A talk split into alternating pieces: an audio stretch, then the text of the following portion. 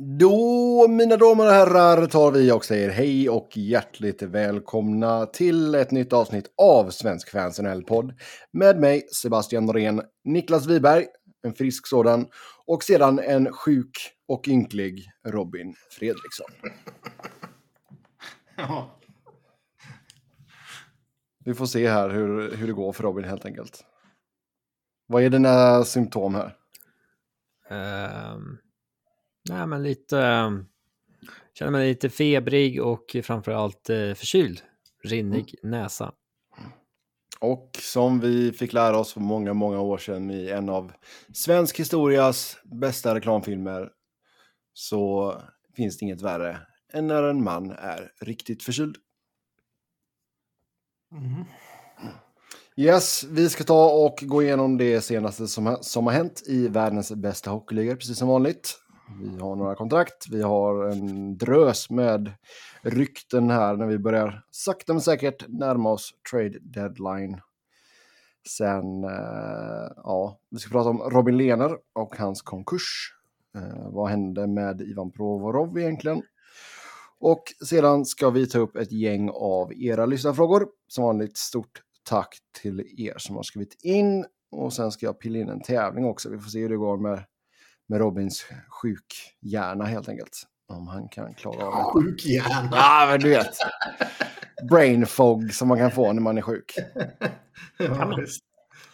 Kanske man har liksom sjukt hög feber eller någonting, men jag vet inte. Ja, feberyra.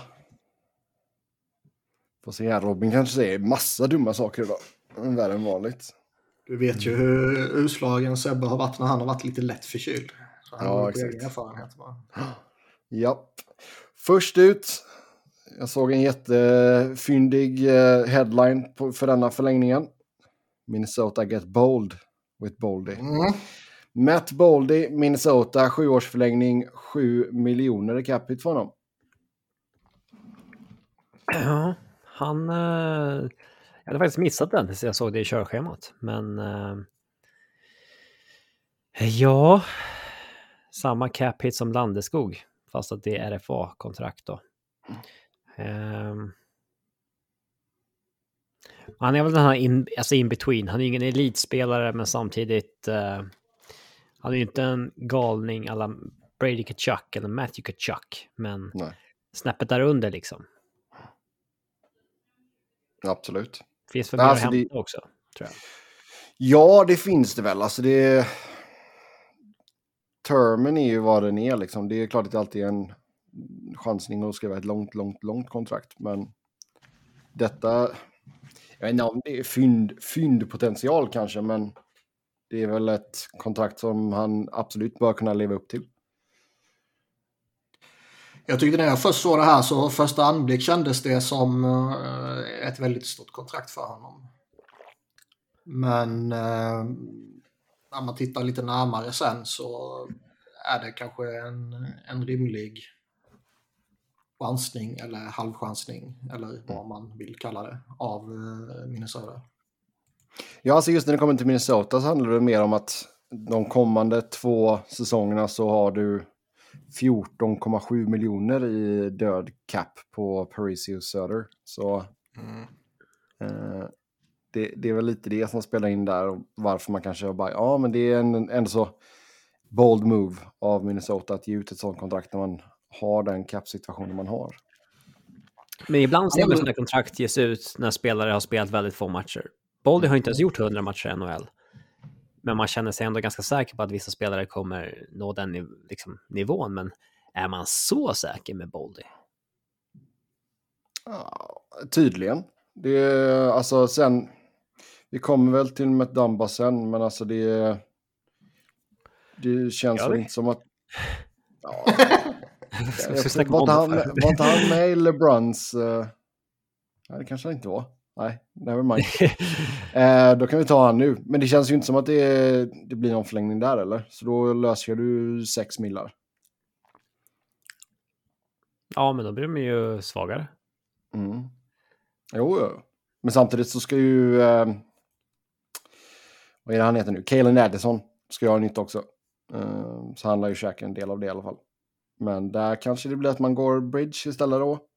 Under de två Kaelin åren. Addison. Mm. Vem fan är det? Snudd på, alltså. Det är ingen regen alltså, det är en riktig spelare. Du säker? ja, jag är helt säker. Han har snittat ungefär en halv poäng per match. 22 i back från eh, Brandon Manitoba. Ja, han heter som sjukdomen. Addison. Mm. Man, man undrar ju eh, vad, om det överhuvudtaget skedde några disk, diskussioner med Boldy och eh, hans eh, agent om ett tvåårskontrakt. Just med tanke på eh, kappsituationen. Skulle man kunna få Boldy lite billigare på två år? Och sen så eh, ja, eventuellt riska ett större kontrakt efter det kontraktet i så fall. Det känns ju... Det känns ju som att det borde på något sätt vara ett doable. Samtidigt Oh, så är de två första åren de dyraste. Med 8 miljoner och sen 9,7 miljoner. Mm. I, I lön då. Så eh, frågan är ju eh, om de överhuvudtaget var, var liksom inne på den vägen med tanke på hur dyrt de första åren är. Ja, alltså jag skulle väl säga att antagligen har de kollat på båda scenarierna. Det tror jag ändå så. Jo, men det är klart man gör det. Men liksom om det var seriöst eller inte. Men liksom, fan. Ett sånt intryck, man får, man får ju inte direkt intrycket av att han var redo att signa två, två liksom, år på... Alltså för Wild kan det vara värt att bara spara in liksom två miljoner, två gånger Mm. fem eller någonting. Liksom. Vilket kanske inte skulle vara någon ori- orimlig bridge deal för honom så. Men eh, så känns ju inte som att fallet var. Nej. Men jag tror ändå han, han borde kunna leva upp till det här tycker jag. Eh, framåt i alla fall. Även om man inte är helt såld på det här och nu. Men, eh, jag, jag tror han kommer eh, inte vara ett problem. Sen går vi till Boston där man eh, förlängde med Pavel Sacha. Fyra år, 4,75. Kickar in nästa år. Jag tycker också det är rätt dyrt. Ja, han har inte varit någon succé i Boston. Nej, han har väl gått bra. Han har fått rätt mycket beröm. Och, men liksom hela Boston går ju orimligt jävla bra. Och eh, får väldigt mycket beröm. Och att ha så här bråttom och signa upp honom på ett sånt här relativt stort kontrakt tycker jag känns eh, lite framstressat. Känns lite Charlie Coyligt av dem. Ja. Men eh, ja. Eh, Den var förvånansvärt dyr. Absolut. Många ser den här som en, eller många Avs-fans såg den här som en comparable till JT Confer och kontraktet han ska få. Mhm. Att då kan... Då är det bara att vinka adjö till honom för Colorado. Ja. Exakt. Mm. Ja, redan inne på... alltså, vi, ja, han kan ju han kan ju säkert eh, göra ett career year. Det är väl det är väl en långtidsskada som skulle hindra honom från det givetvis. Men även det tycker jag att har inte så jävla bråttom. Om inte han liksom exploderar fullkomligt och, och verkligen pissar in poäng andra, andra delen av säsongen här nu så kommer han ju rimligtvis inte bli särskilt mycket dyrare till sommaren. Och eh, jag tror definitivt man kan hitta något likvärdigt för det han gör genom eh, eh, free agency eller trade. Och ett Mm. mer attraktivt kontrakt. Vi- Där får vi helt enkelt se ifall han lever upp till det eller inte. Får man göra Sen- med alla. Stod det ju faktiskt med, nu hittade jag det. Spekulationer om Matt Dumbas framtid. Ottawa och Edmonton har visat intresse. Sitter som sagt på utgående kontrakt, 6 miljoner i capita. Ottawa och Edmonton söker ju alltid backar. Alltså Ja. så länge Mm. de... Eh, Så länge de lever. så länge de är för dåliga. Liksom det, så det är väl logiskt att de är på i alla fall. Och Minnesota har ju inte råd, som du eh, nyss slog fast i och med att de ska signa, vad hette han nu?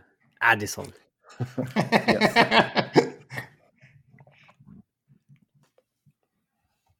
Ja. Han har, han har ju varit på glid väldigt länge, Damba, känns det som. Han har ju ryktats från Minnesota år. sedan han, sedan han draftades i princip. Ja. Nu... Ja. Skulle han nå free agency och det finns ett hål på Flyers högersida så kommer ju Fletcher hugga om han är kvar, känns det som. Eftersom han bara går efter gamla Minnesota-spelare. Men där är ju tokstängt på Flyers högersida. Jo, förmodligen.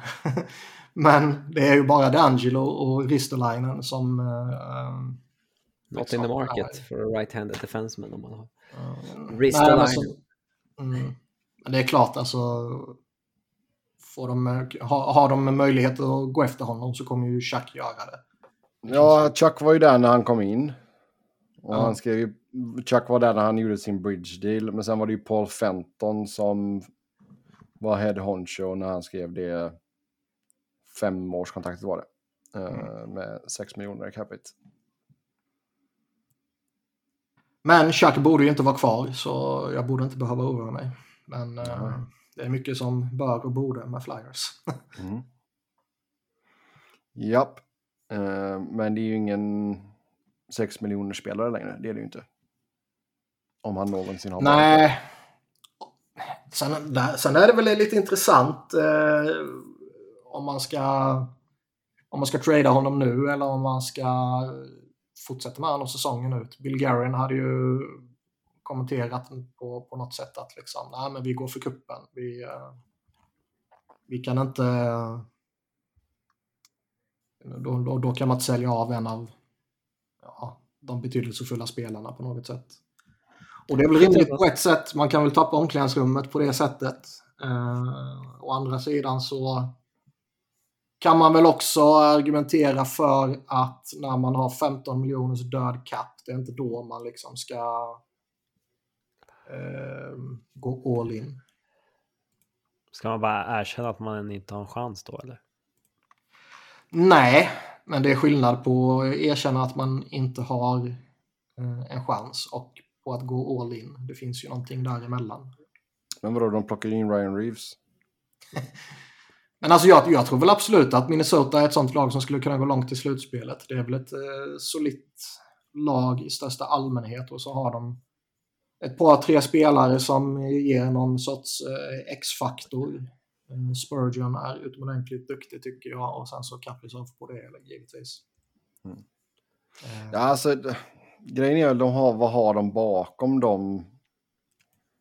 Vem är sjua just nu? Det är väl Goligoski va? Um.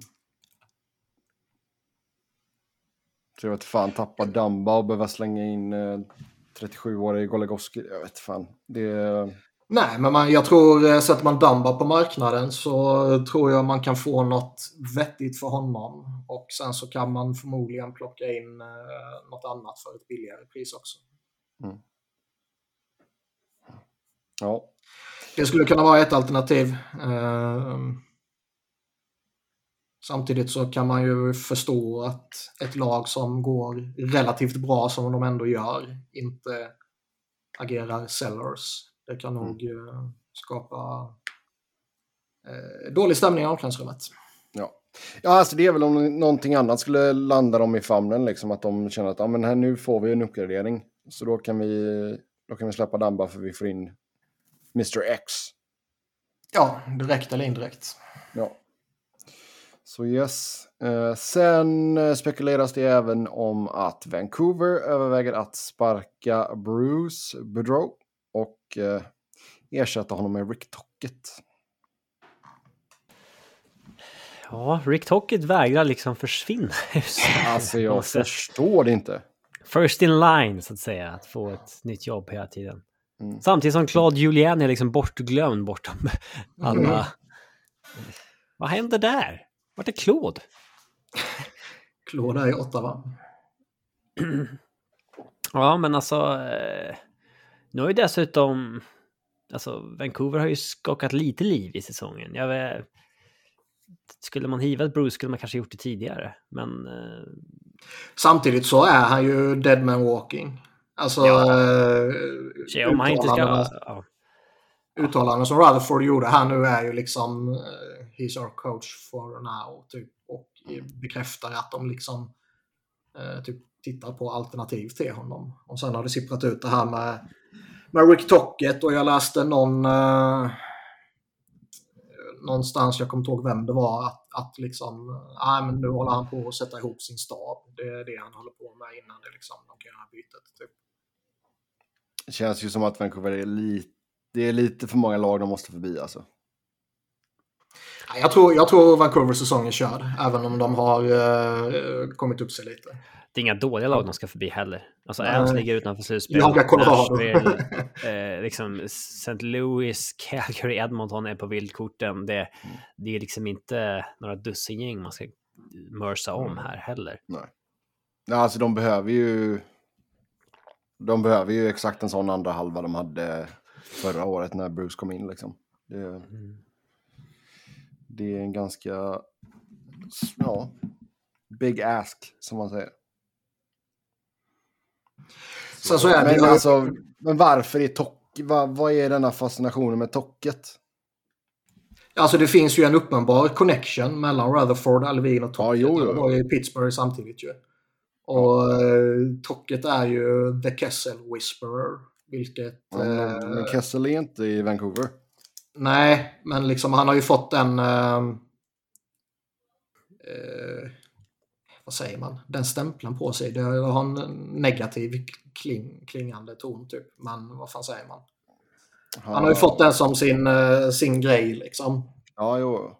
Och eh, jag tror definitivt det kan finnas... eh, Phil Kessel kanske är ett unikum på vissa sätt. Men jag tror definitivt det finns andra man måste behandla på speciella sätt i alla omklädningsrum i ligan. Och eh, har man från första paket sett vad han kunde göra med Phil Kessel så kanske man tror att han kan göra det med alla andra. För gudarna ska veta att det finns lite i Vancouver att förhålla sig till. Jo, jo, men det känns ju som att... Allt kring liksom JT Miller och vad fan han håller på med nu liksom. Till uh, Brock Boser, till uh, en sån som Elias Pettersson och liksom Oliver Ekman Larsson som scratchade här nyligen. Och, och så vidare och så vidare. Och det verkar ju... Alltså det är ju en organisation i kaos och fritt fall på många sätt. Det här med Tanner Pearson och, och hans skada och, och hur den har hanterats. Och Quinn Hughes var ute och kommenterade att den hade liksom blivit felbehandlad och så vidare. Det, det känns ju inte direkt som att det finns ett förtroende bland spelartruppen gentemot eh, att säga ledningen i stort kanske är lite överdrivet, men i alla fall delar av liksom, front office och eh, eh, liksom fys och läkarteam och så vidare. Ja, alltså, det är inte bra om det inte finns förtroende för läkarteamet direkt. Den är ganska... Nej. Och sen, jag menar, vi har ju... Vi har pratat om det- petades. Ja. Det är en stor grej när det sker för första gången. Oh ja, oh ja. Jag menar, vi har ju många gånger sagt också det här med att eh, Boudreau var ju faktiskt inte deras gubbe heller. Utan det var ju ägarna som plockade in honom och sen så kom eh, Front Office. Och det är ju alltid en liten, eh, liten speciell situation. Man vill ju sätta sin egen gubbe. Sen kan jag personligen tycka, och det har man ju sagt, liksom, att Boudreau är ju en av de bättre i, i, i ligan. Och eh, att komma in i ett läge där man har Bruce Boudreau kan jag ju definitivt inte se hur det skulle vara något dåligt. Inte för ett lag som Vancouver som ändå har liksom spelare som borde passa honom. Nej, för alltså Tocket kändes ju bara som en mini-Tortorella, liksom en gaphals i Arizona. Ehm, Sen är det ju alltid det här liksom att det var Arizona. Kan man, Jo. kan man ta det på allvar? alltså just hans record och vad han gjorde där. Jo, jo. Det, Det är en speciell Ja, situation. Han får ta med sig resten av eh, studion där. Bissonette kan komma in och vara god gubbe någonstans. i Någon roll. Man undrar hur, hur hans kontrakt ser ut. Kan han sluta på en dag? Eller har han Han liksom... han lär ju säkert ha någon klausul. Tror inte det? måste vara någon klausul inskriven att får jag ett erbjudande så får jag lämna över natten. Mm. Annars så är det ju jävligt konstigt. Ja. Japp, japp, japp. Ja, eh, sen när vi ändå är inne på Vancouver så ska man mest ha pratat om roster players och inte prospects eh, i en eventuell trade för Bosse Horvat. Och eh, då ska diskussioner ha skett med bland annat Carolina. Mm. Han hade ju flera intressanta uttalanden, Rutherford. Och en sak han sa var ju att eh, de, de vill inte göra en rebuild utan de vill göra en retool. För att populärt det citera- ju blivit. För att citera Chuck Fletcher. Ja. Men, men ehm, sen säger han också att liksom det, det han föredrar, han vill ju inte ha picks för det är liksom fyra eller fem år borta. Det, det kommer inte att hjälpa oss nu typ. Utan han vill ha lite yngre NHL-spelare som kanske inte funkade på sitt entry level-kontrakt. Och typ liksom kun- kunna, kunna få igång dem hos sig på något sätt. Mm. Det är ju också... Det känns ju inte som en plan som är ger en given succé. Nej. Nej. Men han tar hellre en Ja, chans. liksom- Han tar hellre en kort, alltså en kortsiktig chansning än en prospect som är 4-5 år bort. Alltså Ja. grejen får du pix, det är väl inte något kontroversiellt att flippa vidare pixen sen mot vad du vill ha. Nej. Nej, nej, nej. nej. Om du får prospects, då kan det vara lite märkligt om du liksom börjar flippa dem efter en månad. Men. Mm. det... Pix är aldrig fel, du kan ju bara flippa dem vidare mot vad du ska ha sen. Nej, definitivt. Framförallt så känns det lite udda också med tanke på vilka assets man sitter på i, i uh, Bosse Horvath som liksom fortfarande on pace för typ 97 mål eller någonting. Att du bara casha Och- in, alltså sell high liksom, det, det finns inget att... Ja, Brock Boser tror jag också man kan få någonting för liksom och, och nöja sig med Alltså, vi kommer till Kuzmenko här så småningom också. Nöja sig med liksom unga spelare som inte har funkat ännu. Det känns jättekonstigt. Ja. Men eh, vad för... eller Kuzmenko ska de ju sälja dyrt. Alltså en kille som går in för under miljonen nu. Ja, Mm. Som är så pass bra och i en ålder där han kan resignas utan att det är något... Alltså...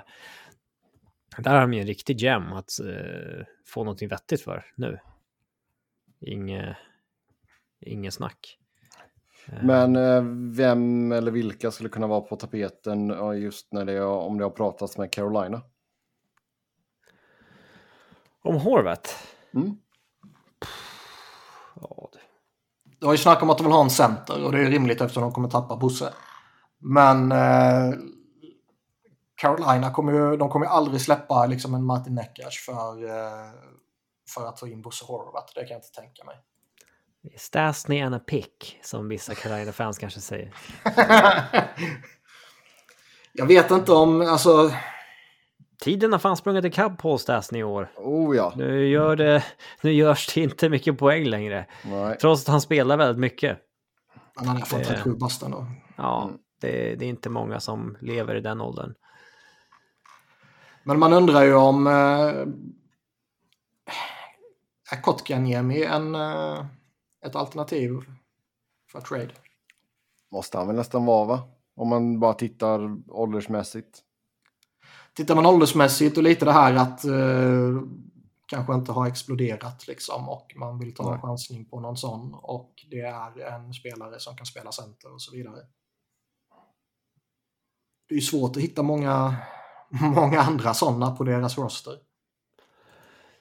Om jag var Carolina hade jag gärna försökt ta med ur det där kontraktet Mm. också. Mm. Och så in Bosse och blir han en rental så blir han det. Eh, kan man förlänga med honom till, till ett rimligare pris än, än det som eh, har pratats om så kanske inte det nödvändigtvis är, är fel. Nej. Ja, som sagt, och det är väl inte hela världen om du ger upp Kotkaniemi då för en rental kanske. Nej, han har inte varit jättelyckosam. Så visst. Och kan man få en Jim Rutherford och som en, eh, som en räddning där så då, då skulle man ju ta den chansen. Mm. Ja, eh, Kuzmenko då, vi går väl till honom. Eh, han vill ha 6,5 miljoner i capita på sitt nästa kontrakt ryktas det om.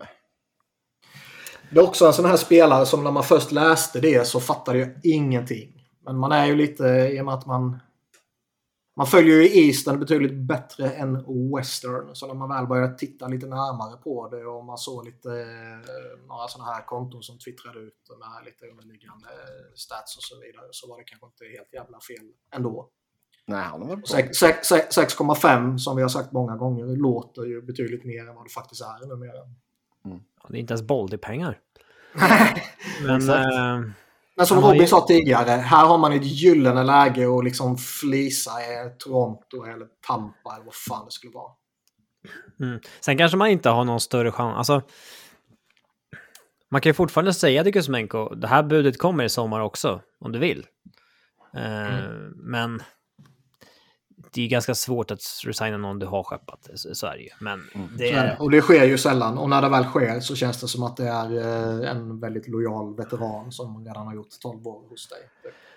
Ja, men å andra Nej. sidan, om jag är i Vancouver så är jag ju lite nervös för att signa det här kontraktet. Alltså de har ju gått i fällan och skrivit så mycket dåliga kontrakt att jag- vill vara jävligt säker innan jag skriver ett nytt till sånt alltså. Mm. Och ja. man har ju inte mer tid på sig att se honom. Man måste vara jävligt trygg i vad han är då alltså. Ehm, och ja, allt ser bra ut hittills, men jag vet inte. Man, man får inse att eh, jag vet inte. Alltså man gör väl ett försök att resigna här, men man måste ju trada nästan. Jag skulle ju definitivt inte signa honom eh, innan trade deadline. Utan man väntar ju in den och ser vad det kommer för några bud. Och skulle det inte komma några bud man är bekväm med så kan man väl förlänga med honom då. Ja. Ehm, Sen behöver här- man ju, alltså de behöver ju försöka bli av med dåliga kontrakt. ja. Men det gör man ju med till sommaren kanske.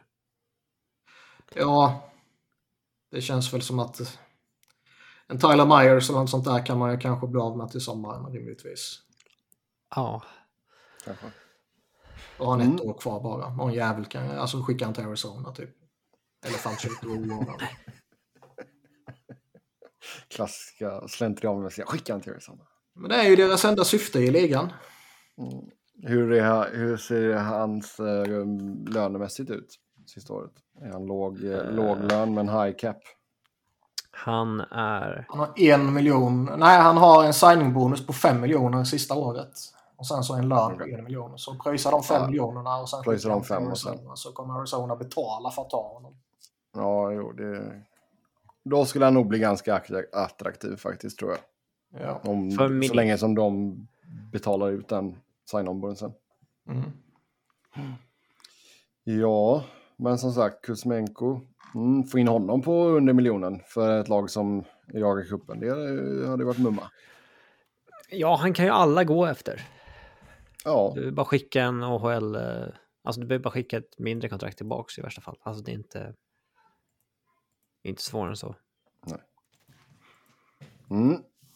Sen eh, har vi uppgifter om att San Jose vill ha tre stycken första rundsval för Erik Karlsson och att man är redo att retaina 18% på Karlssons kontrakt, vilket skulle vara 2,07 miljoner dollar om året.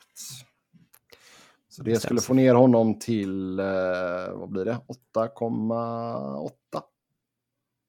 Nej. Fan, jag och matte, vet du det. 9, ska vi se. Fram med miniräknaren här. Där har vi den. 11,5 minus 2,07. 9,43. ja, det var svårt. Ja, det var jobbigt. Det var jobbigt. men, men eh, Jobbigare än vad det behövde vara. ja, verkligen. Kom, hur har de kommit fram till 18 procent? Ja, det är en bra fråga. Det. Oklart. Du får uh, ringa Mike Greer och fråga. Det känns som att ska, ska, ska man hoppas på tre stycken first rounders så behöver man nog retaina otroligt mycket mer. Oh ja, oh ja. Och det här är en intressant situation. Liksom. Å ena sidan så har man fått ett gyllene läge att ta sig ur det här kontraktet. Eh, för det kan ju liksom lek med tanken att det här är ett dödsryck och inte en comeback. Så är det ju ett gyllene läge att ta sig bort från det här kontraktet med fyra jävligt dyra år kvar.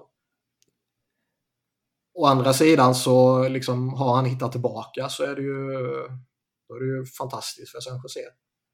Samtidigt så är ju då frågan om det faktiskt är någonting man vill. Alltså det känns ju inte som, alltså det är så mycket som behöver förändrats i den här klubben för att de ska bli slagkraftiga igen.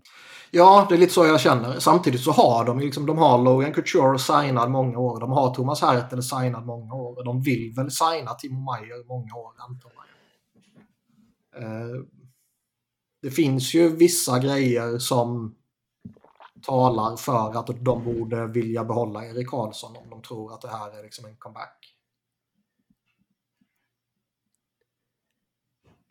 Men det rimliga är kanske att försöka ta sig ur det här kontraktet och då är ju liksom, med tanke på hur bra han går så är det ju klart väldigt rimligt att sätta en hög prislapp på honom. Men eh, man kan ju också vara lite riska lite väl mycket genom att sätta ett högt pris på honom. Jo, men skulle någon komma och säga att ni får två första val och en liksom hög prospect. eh, en hög prospect. Ja, men du förstår mig. En prospect som gick i typ första Som liksom. Nej. Som är hög på någonting. Det är lite En olagligt. högt aktad prospect. Det är ju i sig vanligt inom NHL så det är ju inga problem att hitta en hög prospect. Åh. Men jag menar liksom, för du har fortfarande ett jäkla ankare i uh, Vlasic kontrakt. Jo. Mm. Och jag menar, det kommer du bara bli tvungen att typ rida ut mer eller mindre. Ja, ja, det är Ja. Det är han De är inte så är det. competitive, de är inte competitive nu ändå, så det är ingen stor... Kanske till och med attraktivt för dem att ha, om de har skeppar Timo Maja här och alltså snart ska de ju över golvet och typ, Mm. det kan gå snabbt. Jo, ja. skeppar Erik och Maja. Men det är en intressant situation med Erik Karlsson. Det, det är som sagt, det finns eh, många olika eh, aspekter som är intressanta att titta på. Ja, men alltså vad, alltså, vad tror ni om, om vi tar det från, från Eriks eh, håll liksom?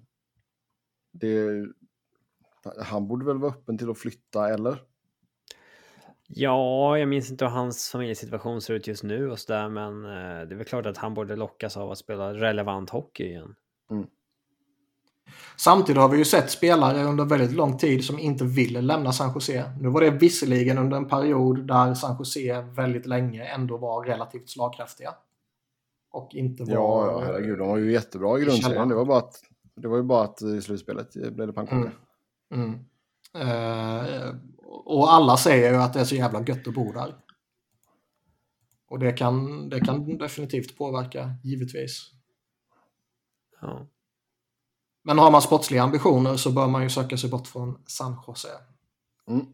Sen är ju frågan om, om man kommer hitta något ställe som är så jävla mycket bättre. För kappsituationen i ligan är ju åt helvete. Det är eh, halva ligan som käkar long term injury reserve-utrymme. Och eh, det är några enstaka lag som i dagsläget har rejält med utrymme. Det går ju knappt att göra några trades. Alltså, det, Ja, det är ju inga givna contenders som sitter och kan ta in en Erik eh, så här på uppstuds. nej, kan man säga. Så, eh, ja. Välkommen till Buffalo, Erik Karlsson. Det hade varit något.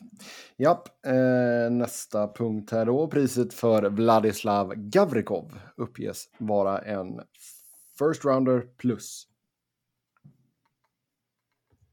Skulle ni pröjsa en first rounder för honom? Nej. Nej, det tror jag inte. Och framförallt inte en first rounder plus. Nej, jag tror det var Pierre LeBrun som snackade om det här. Uh, och uh, jämförde typ prislappen med det de fick för Savard. Ja, men... Jag menar, man har ju sett Savard, han gick dyrt. Vi har sett, um, vad heter snubben som Florida gick efter från Montreal? Charat. Charat. Detroit nu, ja. Vi har sett han gå dyrt, vi har sett uh, Ristolainen gå dyrt liksom. Det, det är ju... Ja, men det fanns en hype kring Ristolainen och Charlotte som det inte finns kring Gavrikov. Mm. Nej, det är ju sant. Men jag menar mer ur, ur, ur Columbus perspektiv är det ju rimligt att titta på det och sätta den priset. Ja, ja, det är klart. Herregud. Men jag skulle inte betala det. Jag skulle inte betala det för, för dem heller. Men jag skulle definitivt Nej. inte göra det för honom. Sen är det klart att det är absolut en mycket duglig, stabil, defensiv pjäs. Men eh, nej, Lugn. det är second rounder plus något Så högt Ja. ändå. mer än måttigt. Prospect kanske. Inte en hög prospect. Nej. Nej. Så, eh, ja, så är det i alla fall. Eh, men det är klart att eh, alltså Kekkelainen, det är klart att han kollar på Savard-grejen och säger att han vill ha något liknande. Liksom. Det kan man väl absolut köpa. Ja, eh, Alex Nedeljkovic gick igenom waivers. Stevie Y bara kör, dumpar upp uh, två spelare han precis har plockat till sig på waivers och skiter i allt. Typ. Ja, alltså, jag vet inte, han hånas ju lite för det här med Nedeljkovic, men jag vet inte om det är så farligt. Alltså de, de pröjsade en third rounder för honom och så har han inte varit så bra, så sket de i det nu liksom. Det är väl inte mer med det. Nej, Verkligen inte. Jag tror de tycker inte det här är något att hänga upp sig på. Uh, Varannan-situationen är ju inte deras fel liksom. nej, den är också speciell. Ja, där såg vi han hade varit healthy scratchad i, i AHL. Han har gjort sex matcher och inga mål och typ minus sex. Och, alltså, otroligt. Så visst. Nej, men jag kan väl köpa ifall man, att man skickar in Nedeljkovic om man är nöjd med det man har sett av Huss och Hellberg. Liksom. Ja, han har ju inte varit bra. Han har inte varit bra förra säsongen, han har inte varit bra denna säsongen. Och eh, det känns som att eh, hoppas man att han ska hitta tillbaka till den potentialen som han ändå visade i Keynes så vill det ju till att han får spela och hitta formen. Och det känns som att det kanske blir svårt att göra i Detroit i dagsläget. Det kanske är enklare i Grand Rapids Griffins. mm. Sen eh, Pierre LeBrun gjorde en trade deadline matchmaking.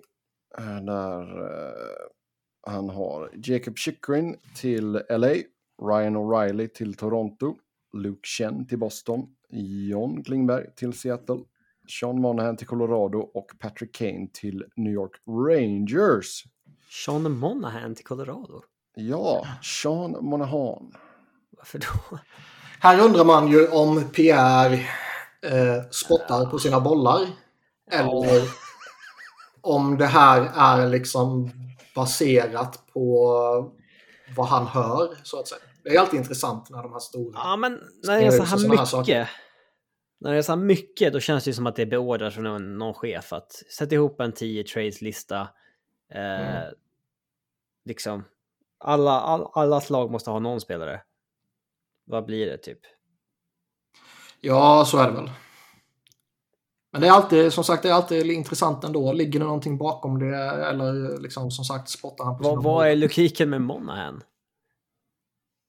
Jag kommer inte ihåg vad han eh, skrev, men det var väl typ att eh, man borde kunna få honom billigare än vad man kan få de andra. Men han kostar ju 6 mille.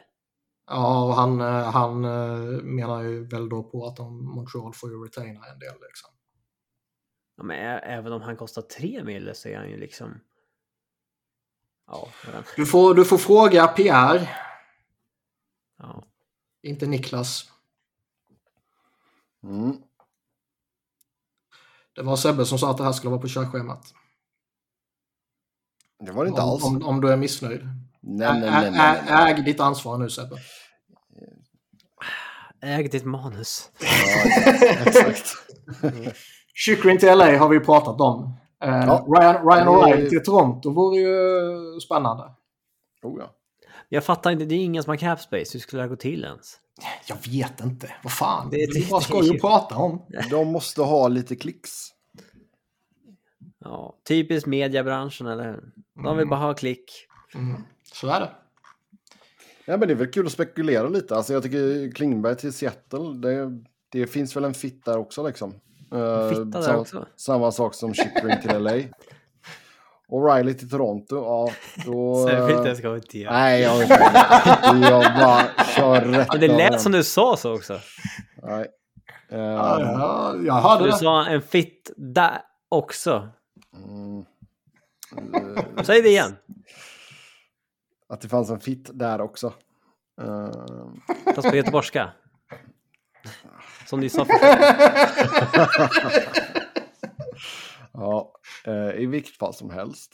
Eh, Vad pratade vi om? O'Reilly. Jag minns inte. O'Reilly till Toronto. Han sitter på 7,5. Eh, dels så behöver väl St. Louis vara lite längre bort från slutspelet än vad de är just nu. Eh, Oh. Och få besked att han inte kommer förlänga, antar jag. mm.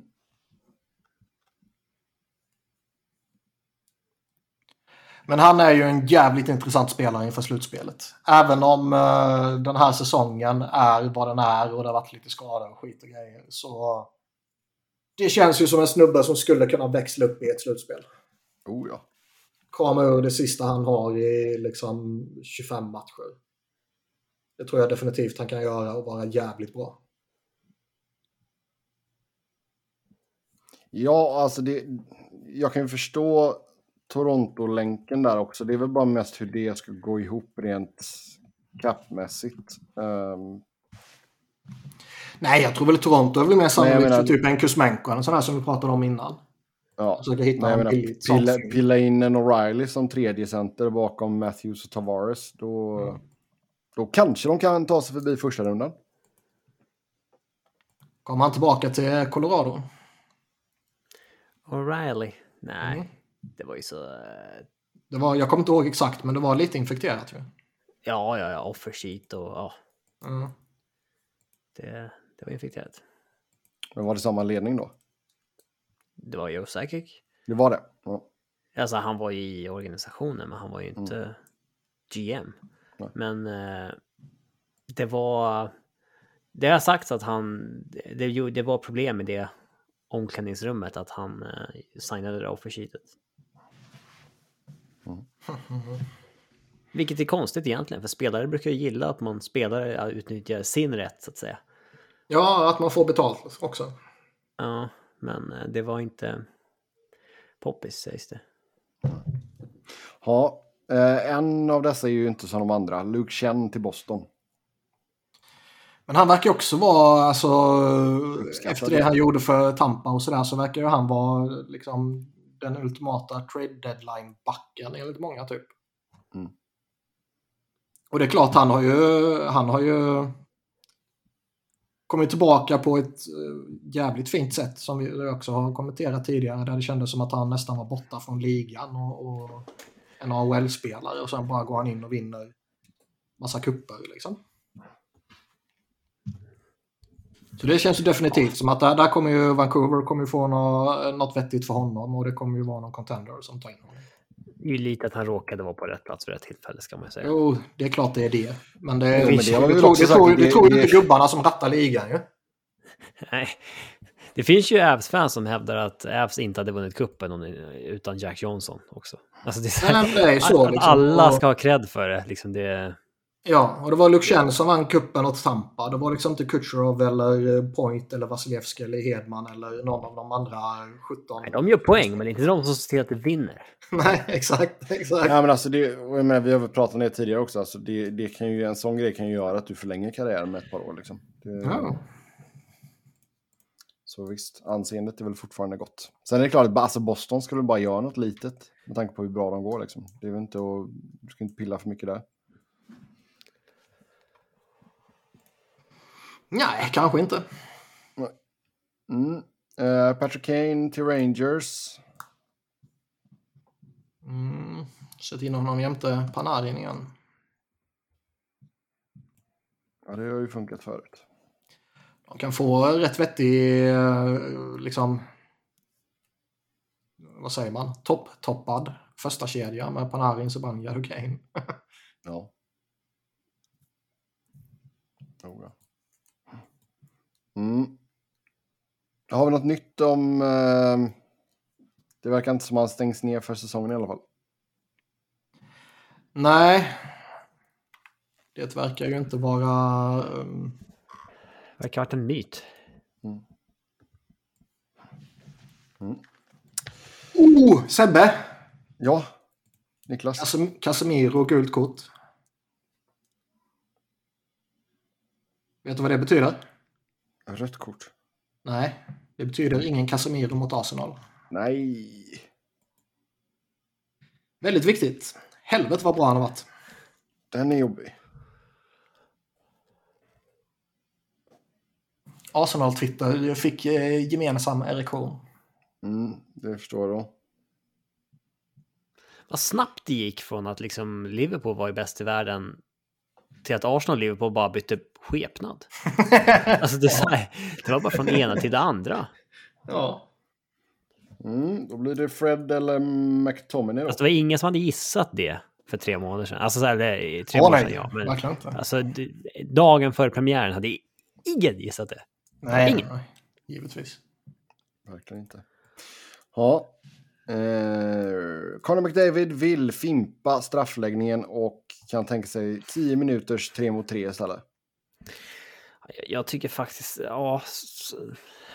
Jag vet inte, straffar blir mer och mer... Eh, det blir tråkigare och tråkigare tycker jag. Men... Eh, eh, jag vet inte, tre mot tre har ju också blivit tråkigare och tråkigare ju längre det används.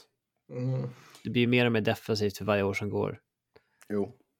Ehm, jag har alltid gillat att alla matcher avgörs på något sätt, men jag vet inte. Det kanske... Det, är, det är inget fel med att en match kan sluta oavgjort. Jag fattar inte den här fascinationen som finns där borta att matcher måste avgöras. Nej. Liksom, fimpa straffläggningen, spela fem minuter tre mot tre och blir det oavgjort så en poäng var det. Ja. Mm. Två poäng. Alltså, eh, det ska åtminstone delas ut samma poäng i varje match. Ja. Alltså, det, antingen ska man gå över till trepoängssystemet och dela ut tre poäng och ja, spela med samma format som idag med OTS. Eller två poäng och då blir det en var vid oavgjort. Det, Mm. jag, jag gillar inte alls att man olika mängd poäng kan delas ut i en match beroende på hur den går. Nej. Skoj för övrigt att Conor McDavid faktiskt uttalar sig och tar ställning kring någonting. För det känns som att han är jävligt tråkig och korrekt hela tiden. Ja. Det är jag väl villig att hålla med om. Och jag har ju hatat straffläggning i all evighet eftersom Flyers har varit sämst i ligan på det. Ja. Ja, eh, sen eh, Robin Lehner eh, har ju varit på tapeten här. Eh, han... Eh, Vi nämnde Ja. väl det för typ ett halvår sedan när han ansökte om konkurs i Sverige, va?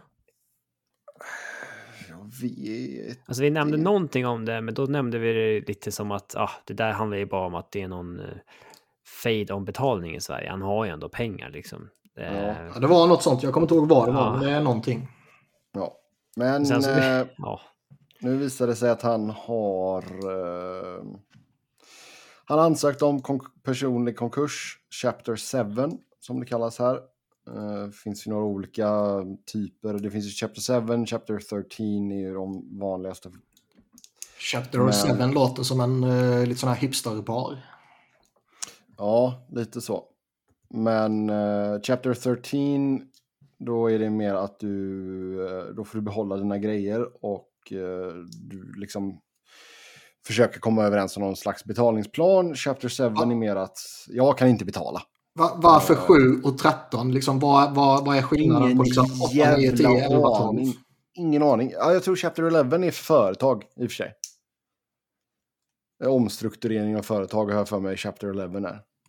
1 till 6 då? Ingen aning. Och eh, 14 uppåt. Men de gillar höga nummer här. Det är samma som liksom, poängen i amerikansk fotboll. Liksom. En touchdown En match kan inte sluta 3-2, den ska sluta 37-45. Liksom. Ja, exakt. exakt. Det är som tennisen. Ja. Så, men i vilket fall som helst, han ska ha, eller han och hans fru uh, har ju gemensamt då ansökt om uh, konkursen och det ska enligt rapporter upp till 50 miljoner dollar i skulder till eh, diverse creditors. jag fattar knappt hur det kunde bli 50 så, så snabbt, men... Eh, ja. Do dollar alltså snackar vi om ju. Ja, visst. Ja, 50 miljoner dollar. Om någon inte Jag vet inte hur man kan skriva på något sånt. Alltså, det, man kanske, han kanske trodde att han skulle sälja vidare grejerna Kanske. Vinst. Alltså det, är ju... det sägs ju det om de här ormarna, att de har parat sig obegränsat, ja, en, att värdet en, på dem har gått ner för att det finns så många helt plötsligt. Mm. Ja, alltså, och att de hade varit, alltså olika arter hade parat sig med varandra och grejer. Um, men en del av det var ju då den här reptilfarmen, eller vad man nu kallar det för. Um, mm. ja.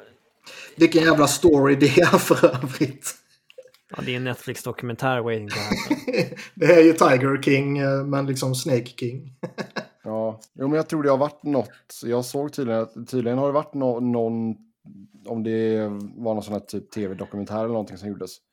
Och att Leners namn nämndes. Eh, alltså? Men... Ja, eh, alltså... Robert, Robert Lehner har ju varit på något sätt immun från all form av kritik sen han sa att han eh, mådde psykiskt dåligt. Men mm. vad, vad håller han på med? Alltså, han verkar ju vara en riktigt skum figur, det kan man ju säga. Ja, han kommer ju med bagage som eh, liksom eh, präglar honom och som kommer hänga med honom. Och eh, här har vi ju bevisligen eh, ett resultat av det då ju. Jag vet, jag vet inte om en sån här sak liksom... Eh, hur påverkar en sån här sak ett omklädningsrum och liksom stämningen i en trupp och grejer? Är det någonting man liksom inte bryr sig om? Eller kan det sänka ett omklädningsrum?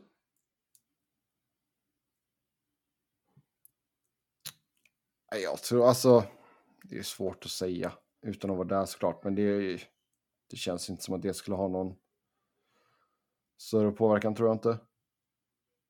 Nej, men liksom kan, kan, eh, kan han följa med ut och käka på de fina restaurangerna? Eller får han sitta hemma och käka nudlar? Alltså jag, jag, tror inte att någon av lagkamraterna skulle vara jättesnabba på med att låna honom pengar kanske. um, men nej, jag tror överlag så är väl det. Det är den tredje spelaren under modern tid så att säga som ansöker om konkurs efter Jack Johnson och Evander Kane. Ja, mm. men det är ganska olika. Det var, ju samma, det var ju samma någonting, samma något företag eller någon... Eh, ja, det är, samma, det är en av långivarna som är samma som var till Kane. Long, long Sharks typ. Ja. ja, alltså det är ett som företag som...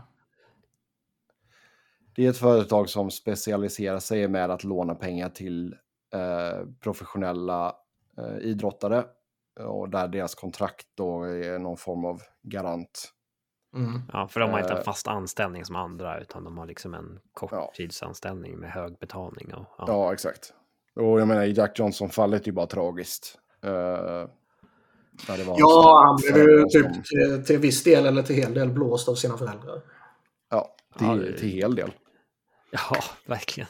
För då var det ju att de tog ut lån i... i han visste ju att han var för ung för att hantera de här pengarna, så han skrev ju över fullmakt på sina föräldrar. Ja, och, de bara och sen tog de ut bort lån. allt. Ja, exakt. De tog ut lån med, han, med hans kontrakt som garant. Liksom. Ja, och de har inte någon kontakt idag som jag har förstått. Nej, det, det låter rimligt. ja, verkligen. Nej, men det är, det är alltså, som sagt, det verkar vara en jäkla massa dåliga business deals han har gjort här. Uh, han stämdes ju av ett företag i Wisconsin i somras. Jag vet inte varför inte det har kommit fram tidigare. Uh, men var det, var det det här... Det är konstigt kring eh, Robert Lehn hela tiden. Ja. Det... ja, nej, verkligen. Så ja, men men. Nej, det är en jäkla soppa. Förlåt ifall det inte... Vi kanske gav folk fler frågetecken här än utropstecken eller vad man säger. Det är ingen som trodde att vi skulle rädda ut Robin Lehners konkurs här. Nej, det kanske, det kanske var rätt. Men det känns som att vi bara krånglar till det än mer. Mm. Uh, han kör massa men, ormar och har inte råd att ja, pröjsa. Ja, han har ja, en del i det hela. Vad händer nu? Herre min jävla gud du.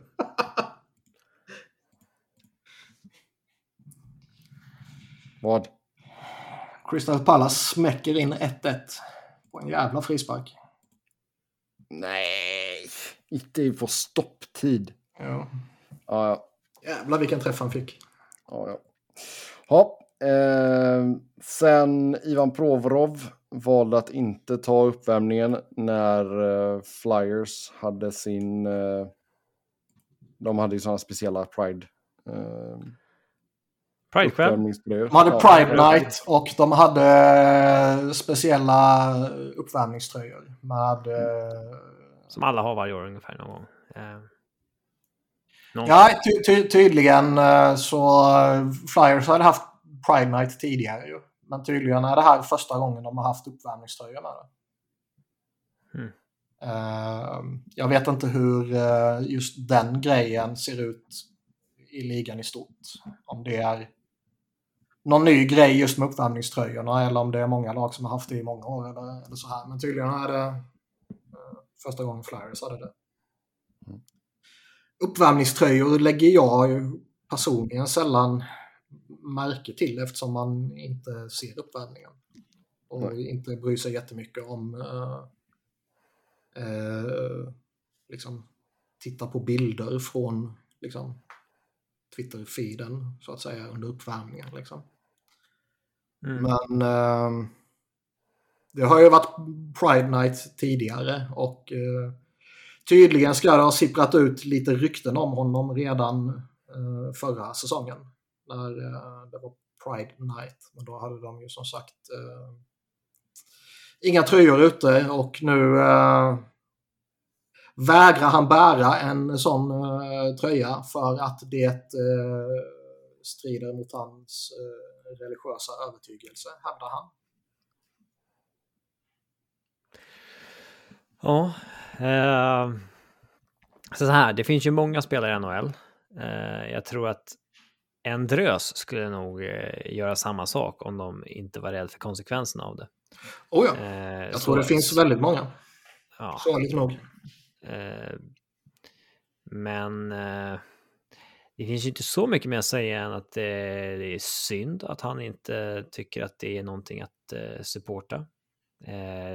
Han har väl rätt att vägra det om han vill, men då har väl folk rätt att tycka att han är en idiot också. Men det är... Ja, alltså det är så tramsigt att gömma sig bakom eh, religion för att liksom rättfärdiga diskriminering och grejer i samhället. Det är alltså, ynkligt och det är fegt ja. och jag lovar dig att det, eller jag lovar alla att det finns otroligt många mer saker som den, som hans tro förbjuder som han skiter heligt i. Ja, det är det där man cherrypickar vad i religionen som Ja. är jätteviktigt och inte. Det, Ja. Det blir lite tramsigt kan man ju tycka. Eh, Men han, alltså, han är upp, uppfostrad i ett jäkligt homofobiskt land liksom. Och det är inte mer... alltså han, är, han, är ju liksom, han är ju ryss men han kom ju över till Nordamerika väldigt eh, tidigt. Han, han var ju i Nordamerika och spelade sin juniorhockey och Ja. ungdomshockey väldigt länge. Liksom. ja, det, det, behöver, det många- behöver inte betyda Det någonting. finns ju många... Jag kan garantera att det finns en del människor som aldrig lämnat United States of America också som... eh, De hade lämnat sin stat. Ja, sam, Jag som samtycker på han snubben som blev eh, kickad av Peoria Rivermen. detta. Jag vet inte vad det är för men- något.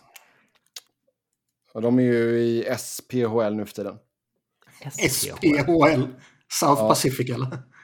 Men de eh, kickade ju en spelare efter han hade tweetat massa dynga. Ja, det var den figuren. Mm. Uh, Okej. Eh, Alltså det var, inte, det var inte hockey va? Det var basket eller något sånt där skit. Nej, det är okej. Ja, okej. Ja, Peoria, det var väl typ, det är inte det St. Louis gamla AHL-lag? Jo. Ja. okej. Men... eh, ja, jag, jag tycker att det är... Det, det är trist att se... Nu vet jag att John Tortorella är ju den typen av coachen som liksom... Han kan, han kan bänka spelare hit och dit, men han kommer ju alltid liksom backa dem publikt vid en intervjumikrofon. Eh, för det är den typen av eh, coach han är liksom. Men jag tycker att det är ganska ynkligt av honom att liksom inte... Han stöttar ju honom. Alltså, Ja, dessutom det. Och, och han satte sig på ganska höga hästar vad det gällde Chicago Blackhawks och coach Q vill svaghet att inte eh, agerat hårdare med eh, deras videocoach där när, när den skandalen var liksom. Men inte bara det. Han, han, han har tjatat och organisationen har tjatat om accountability hela tiden. Det är liksom för många dåliga passningar, petad. Dåligt positionsspel, petad. Är du loj i hemjobbet, petad. Kevin Hayes, liksom eh, point per game eh, och eh, en all-star. Nej, du för loj, petad. Men liksom här, lite hur man väljer att se på saken, så antingen direkt eller indirekt så stöttar han honom ju genom han hade något uttalande där han liksom sa att, han, är, han, är, han är bara true to himself and uh, his religion. Typ. Ja, respect him for that typ också. Ja. Alltså, det, var, Ja, och det är, liksom, det, det är ju att stötta honom, direkt eller indirekt, hur man än vrider och vänder på saken, anser Ja, jag. för det, det blir ju en sån här, ja, det blir ju en fråga där man liksom inte, du måste välja sida liksom. Ja, Det blir liksom inte en fråga där du kan vara neutral. du är, nej, du är Alltså, med det- eller så är du emot. Det, det är som, eh, som Bush sa. Ja. Eh, och det här är dessutom en coach som tidigare har sagt att liksom, han kommer peta sina spelare om de inte står upp för nationalsången. Typ.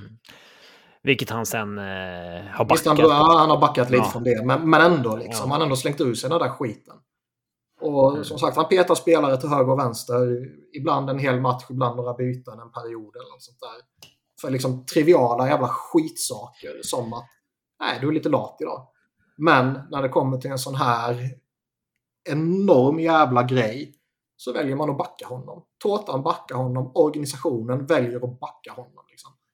Sen ska man veta att det, det kommer ju med, med sina problem att liksom bestraffa och eh, sätta in åtgärder, eller vad man ska säga, mot någons religiösa övertygelser. För det kan ju vara skyddat både i lag och i regelverk i ligan. Liksom. Mm. Eh, men här kan man göra det enkelt för sig. Liksom. Nej, du deltar inte på uppvärmningen.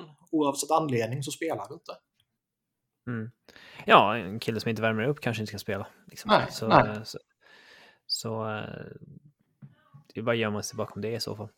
Nej, och liksom den här, den här organisationen visade ju liksom tydligt när man, när man, som vi har pratat om tidigare, när man tradade för och signade DeAngelo, att man, man har tappat sin moraliska kompass. Liksom. Man Ja, skiter det i är det. tramsigt för att man ens... Eh, liksom håller på och tar på sig någon Pride-kostym och liksom Ja. fortsätter bomba på om att vi står fortfarande bakom det här, men våra Ja. spelare gör inte det. Eh, så, Nej, och, och liksom, visst, man, man, man, kanske, man kanske vill vara snälla mot Flyers och ge dem eh, the benefit of the doubt när det kommer till D'Angelo. Eh, och man kan väl hävda liksom en gång är ingen gång, bla bla bla bla bla. Ja, det Nu finns ju garanterat gånger, folk... två gånger är en vana. Ja, Det finns ju garanterat folk i Flyers som liksom suckar rejält när Provorov annonserar det och liksom vad fan. Oh ja, oh ja. Eh, men Och Fly- Flyers är ju eh,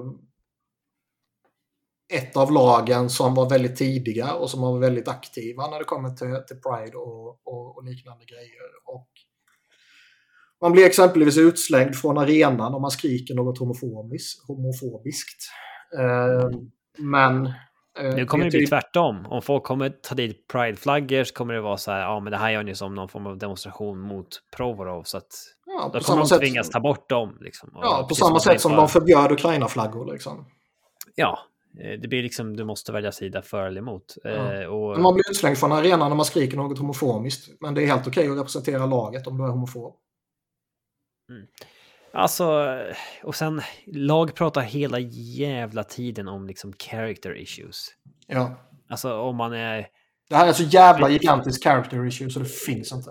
ja, om man är för divig eller så, det, det kan vara vissa jävla eh, skitsaker liksom oftast. Att bara man, eh, en spelare som är liksom tekniskt skicklig och försöker dribbla för ofta. Så, ah, du, Eller har långt hår. Ja, eller... Men det här, jag kan garantera att det här ses inte ens som character issues av väldigt många general managers. Jag tror ändå många, ja, jag vill ändå tro att många ser det här inte som något positivt, men jag tror ändå en hel del av de gubbarna också tänker att ah, men det här är... Ja, typ good, good for him. Han står upp för sina åsikter. Typ. Ja, Ehm, ja, så att det, det, det är inte så... Ja. Och så här, att han inte ska straffas för det. Ja, alltså. Jag vet inte vad livet Grejen är att han, han, han, han klarar... Han, det, det, jag läste någon, någon, eh, något utdrag ur eh, CBA eller vad det var, liksom regelverket för ligan. Och där står ju att man får inte diskriminera någon för eh, massa olika saker, bland annat religiös övertygelse. Då, liksom. Och han gömmer sig ju bakom sin religion nu. Om det är medvetet eller om det bara är en slump, det, vem fan vet. Liksom. Men genom att gömma sin eh, bigotry, finns det något svenskt ord för det? Jag vet inte, men... men eh, Jag tror inte det. nej. Men att gömma sin son bakom religionen liksom och dessutom hänvisa typ till den liksom rysk-ortodoxa kyrkan. Som jävlar i mig inte är något man bör gömma sig bakom i nuläget.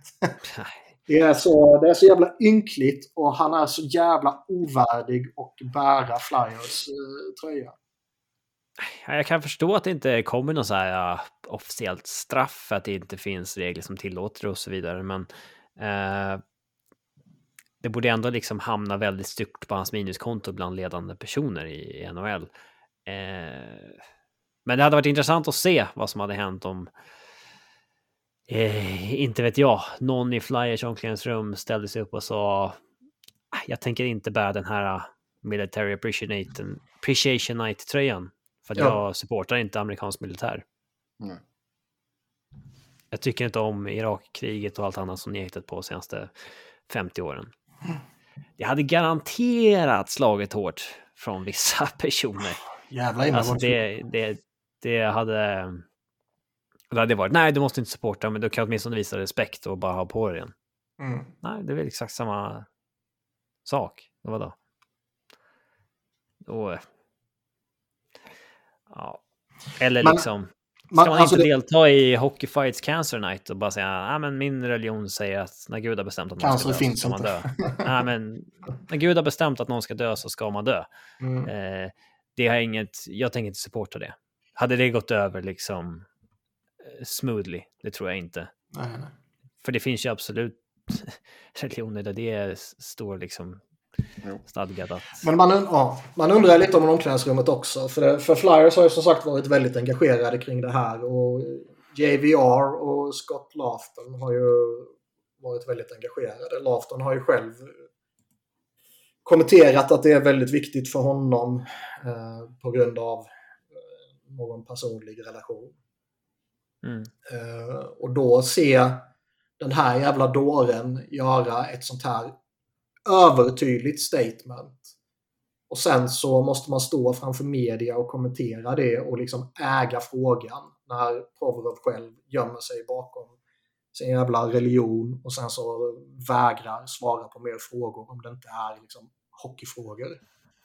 Det är ynkligt och det är ju från en person som det redan innan det här har liksom sipprat ut lite, lite snack om att han inte är omtäckt i omklädningsrummet. Han liksom, eh, som jag sa tidigare, det kom lite rykten tydligen då redan efter förra Pride-matchen. Och Eh, det har pratats väldigt mycket om att han är väldigt glad för att slänga ur sig kritik gentemot andra, men att han inte kan ta kritik själv. Det har pratats tid tidigare om att han är väldigt känslig gentemot liksom vad som skrivs om honom på sociala medier. Och jävlar i mig vad han inte ska läsa sociala medier nu om han är känslig för det. Liksom. Ja. Och dessutom har det nu kommit ännu lite mer trade-rykten kring honom. Så man undrar ju liksom om allt det här att han är liksom eh, inte jätteomtyckt i omklädningsrummet, trade-rykten, eh, hela den här grejen liksom. Om det var, jag vet inte, ett dussin lag som var intresserade av honom tidigare, är det fortfarande ett dussin lag? Eller är det sex lag? En del, eh, man vet ju att en del blir ju snarare tvärtom, att oh, nu kanske hans värde sjunker dit. Ja, billigare, ja. Ja, alltså det... Man har ju varit med förr. Så Ja, jo, så är det ju. ja. Nåja. Men det är sorgligt att se hur den här organisationen har De kraschat. är inte bara sportsligt fallerat liksom, utan liksom på De har alla nej. fallerat. Den här säsongen, det som jag skrev till Skogis på Twitter när vi snackade lite. Liksom, att den- den här säsongen är skadlig för organisationen, både på och vid sidan av isen. Eh, man inser inte och man omfamnar inte behovet av en liksom, ordentlig rebuild, både av truppen och front office och man eh, har liksom helt nonchalerat eh, vad säger man, sin, eh, sitt eh, bilden man ger utåt liksom. Man pissade på liksom supportrarna när man signade D'Angelo, när man tradade för honom och signade honom. Liksom. Man fortsätter göra det med hela Johnny Hockey-debaclet. Även om det då är rent hockeygrej bara. Mm. Och sen så nu med, med Provorov också genom att liksom, i princip stötta honom direkt eller indirekt. Och eh, låta honom spela. Mm.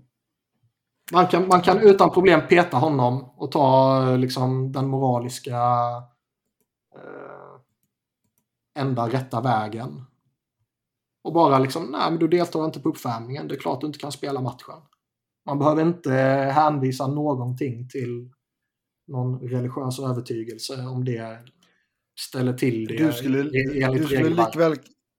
Jo, exakt. Jag menar, liksom, de skulle lika väl kunna... Om du inte säga fysiskt ja, förberedd för att spela match, det är klart du inte Nej. kan spela. Helt rätt. Mm. Yes. sorglig, Vi, eh, sorglig organisation som man skäms. Ja, Niklas tar ställning i alla fall. Sebbe säger ingenting. jag vet inte vad jag ska tillägga. Det, jag håller med i det ni säger. Liksom. Det, Mm. de är ganska, Din, hard, de är eh, ganska din- hardcore.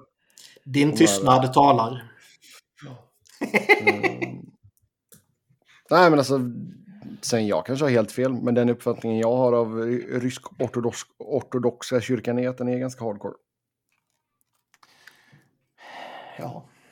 Jag tror inte att Provorov är oskuld som du säger att han ska vara tills han har gift sig. Nej. Mm. Ja, vi Sebbe, tar och... nästa gång du är eh, på någon NHL.com-intervju med honom. Fråga honom om han är oskuld. Det Sebbe skulle inte göra. aldrig våga gå in och ta den. Alltså, det, det, han rättar in sig i ledet ordentligt. Det, De bara, keep it to hockey questions. Och så bara, are you a virgin? ja. Japp. Vi eh, tar och går över till eh, veckans tävling.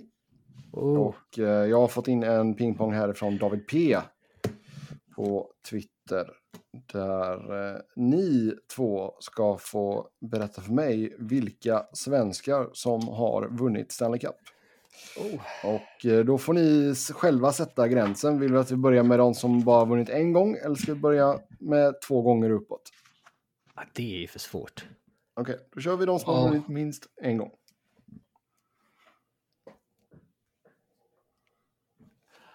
Ja, ehm, Niklas börjar är äldst. Mm, jag måste hitta några jävla papper bara. men... eh, ja, då... ehm, Jag kan säga att Bob Nyström inte är med på listan.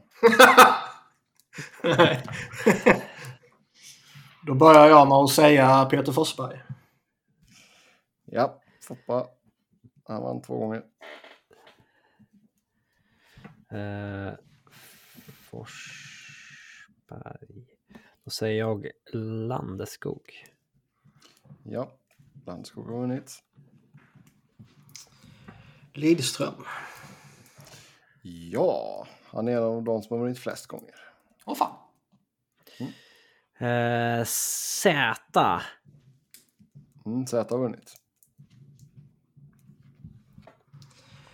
Homer. En, en gång vann han. Det är svårt vilka som räknas som har vunnit också, ska sägas. Mm. Alltså, Det här vad, är eh, Wikipedia. jag menar till exempel Fredrik Claesson i Tampa. Alltså, ge- räknas han? Nej. Alltså, är den ribban där? Eller vad? Nej, han är inte med. Okej. Och, eh, Alltså, sådana figurer liksom. Det, ja. Så nu har du en bom.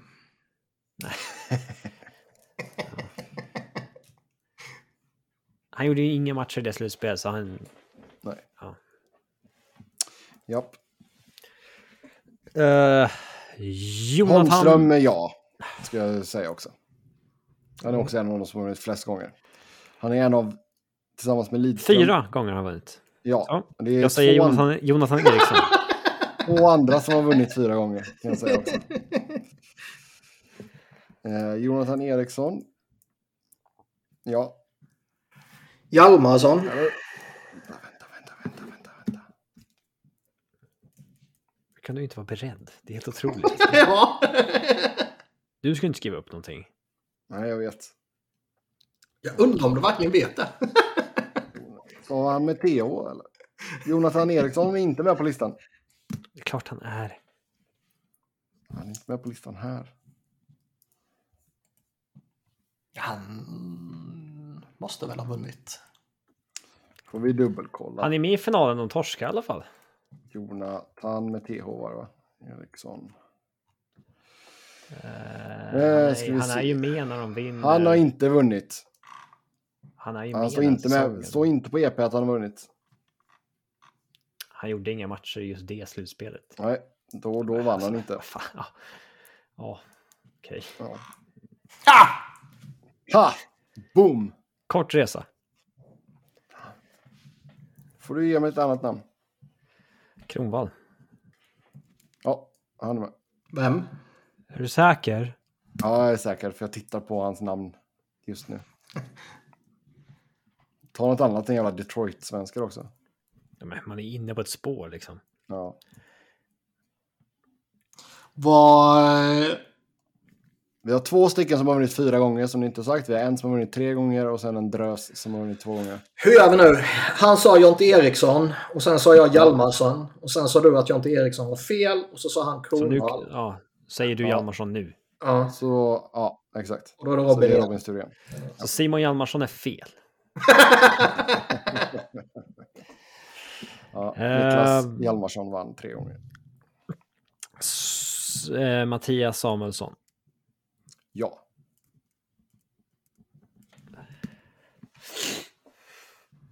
Eller vänta.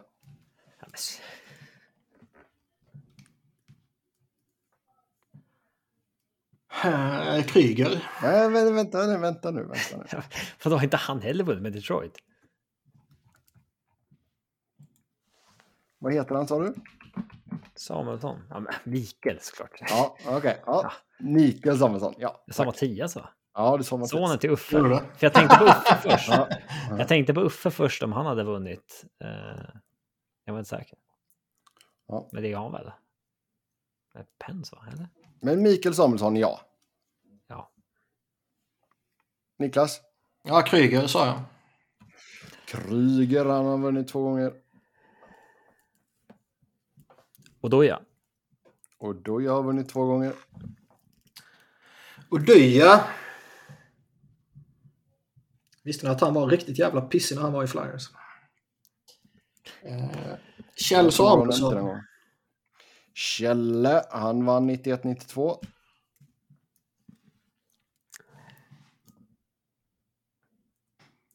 Har Uffe vunnit eller? Jag vet inte. Uh, Hörnqvist. Ja, han vann två gånger. Hedman. Hedman vann två gånger. Uh, Hagelin. Hagelin vann två gånger. Eller har vunnit två gånger, ska jag väl säga. Niklas Wallin. Vad i helvete, ja. Carolina. Att du drar, ut- att du drar ut den. Ja, Ja, det är en sån du ska hålla på ju. Den kommer man ihåg. Ja. Klassiker. Mm. Um, mm, mm, Burakovsky. ja, han har vunnit två gånger. Eh, jag är ändå tämligen säker på Uffe Samuelsson. Han har vunnit två gånger. Dubbla med Pens. Två till och med. Back to back. Var det två med Back to back där, 91 och 92. Jag har fått för med mig en bara. Men då, mm. Eh, Niklas Bäckström. han har vunnit.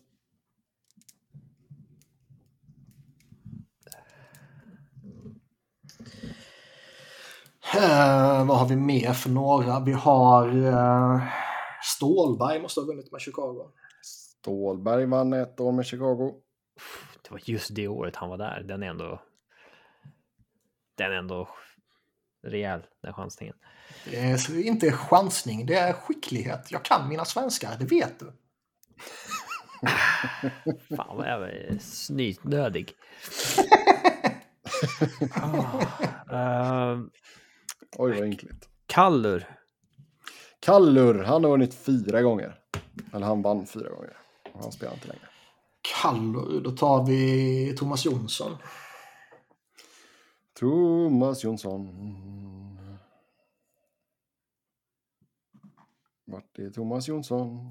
Jag tyckte jag såg honom. Kontroll F och sen så skriver Ja, du jag ska namnet. göra det nu. Ja, där. Två gånger. Han, ja, han vann ju med Islanders, det behöver vi inte kolla. Eh, Då har vi en kvar som har vunnit fyra gånger. Försöker bara komma på någon nu, inte så här Ja, vem har vunnit fyra. Liksom. Eh, ska vi se. Det var ingen mer med Pittsburgh där. Nej. Ehm, ingen mer med Tampa. Ingen till i Avs här. Ehm, Sitter du och kollar vilka som har vunnit kuppen? Nej, jag försöker komma ihåg i huvudet vilka som har vunnit cupen. Ja, okej. okej. Ja. Ehm. någon mer Detroit-svensk måste det ändå ha varit. Åtminstone där tidigt 2000-tal. Men det är svårt att gissa liksom. Jag tror inte att de vann liksom.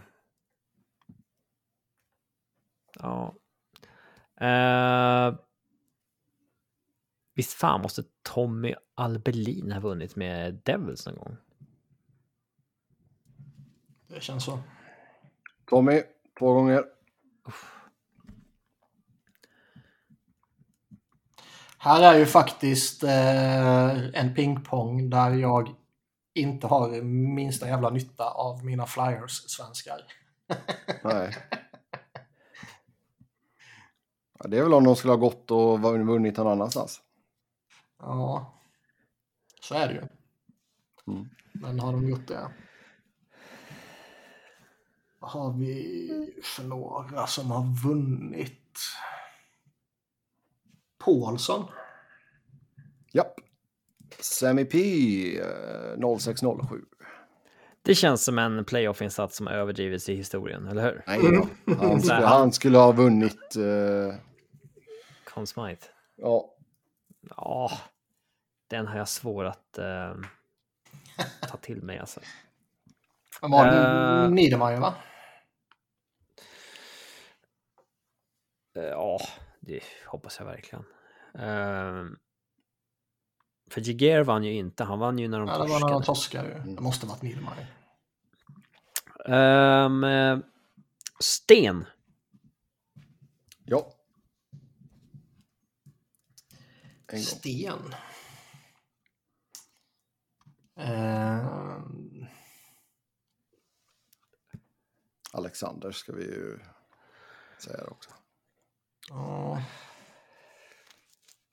Vad har vi mer? De hade väl ingen annan. Eller? Nej, det hade de inte. Vilka? Det, kan, det kan jag inte säga ju. Mm, mm, mm. Hade de någon? Nej. Mm.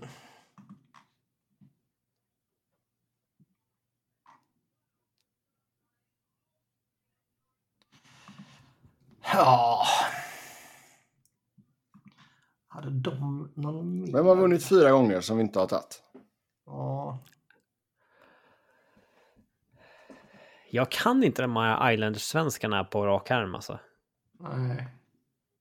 Det är ju en av Det dem. är Kaller och Jonsson. Men jag Ja. minns inte vad mer som var där. Ja.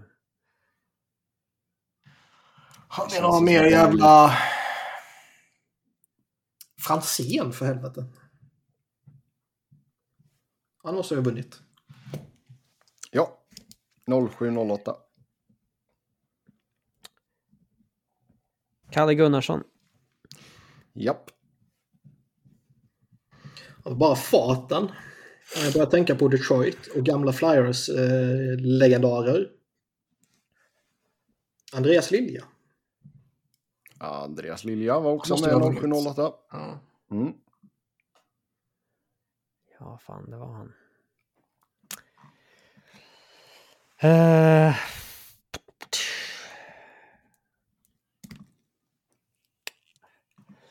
Vilka champions? Det var, var det någon mer där i Anaheim med Paulsson?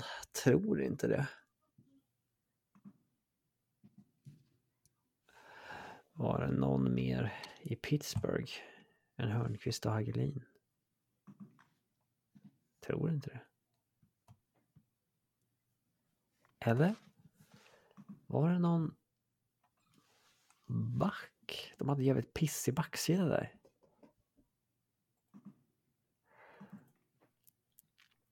Nej. Ska vi se. Ni har alltså en kille som har vunnit fyra gånger kvar. Ni har... eh, ska vi se. Hjälper oss En, ingenting det där. Vi försöker bara komma någonting. ni har två stycken som har vunnit två gånger. Och sen eh, ja, minst en handfull kvar som har vunnit än. Uh, eh, det var ingen i Boston när de vann.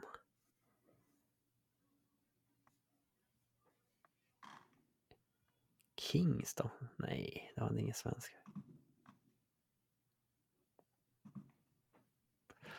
Åtminstone inte första gången. Nej, inte andra gången heller. Eh, mm. Nu... Eh, svårt. Kan det finnas någon mer Chicago-svensk?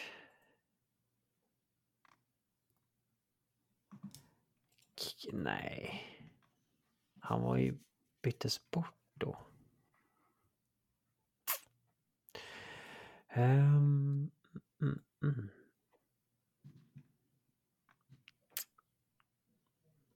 Jag tar Ja, inte. får vi be om ett svar. Nej. Eh, jo, kan. Chicago vinner ju... Vinner de 2015? Då, fan, Joakim Nordström kanske? Joakim Nordström vann 14-15. Nordström. Det namnet skulle jag nog inte fiskat fram. Däremot har jag fixat fram eh, Håkan Loob. Håkan Loob 88-89.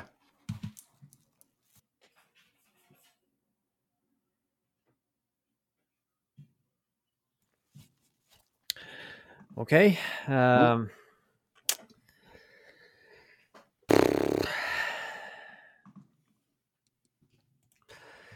Ja.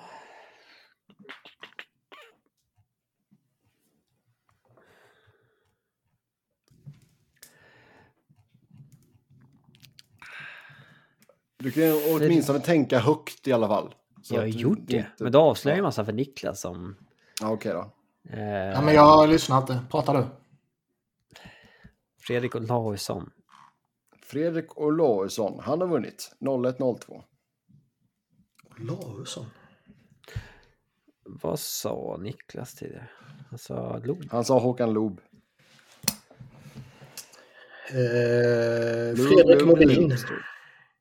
Fredrik Modin 0304. 04, året som Flyers borde ha vunnit. Jag har berättat om det samma jag gick in och spelade back. Once or twice. Nej, men dra den gärna igen så jag får lite mer tid på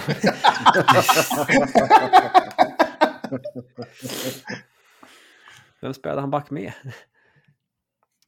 Det kan jag berätta för dig, men jag ska inte... eh, Som sagt, två stycken kvar som har vunnit två gånger.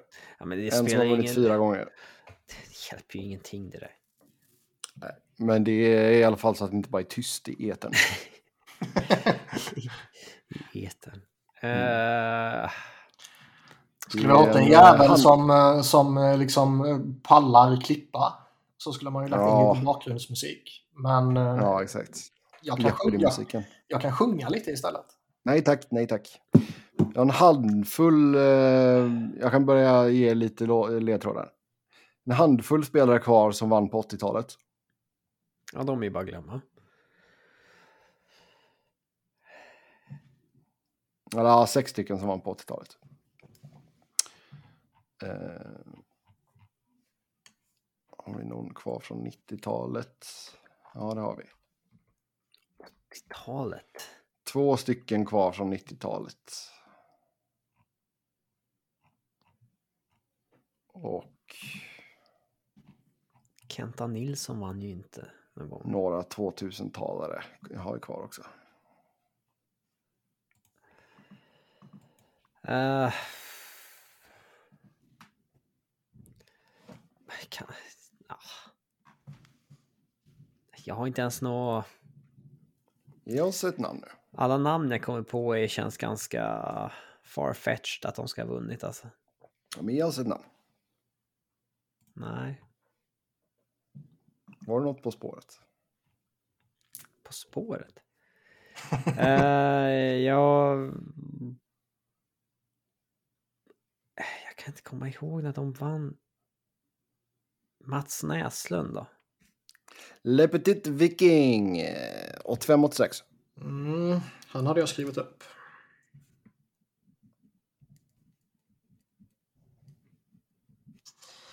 Ehm.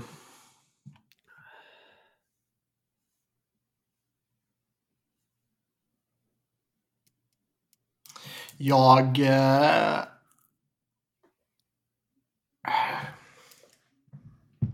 Jag är lite osäker på de två. Men han... Eh... Lite förvånad över att du inte har tagit den sista fyra gångers vinnaren där faktiskt. Men det är väl en 80-talskille? Ja, men att det känns lite som att det är Niklas Wheelhouse.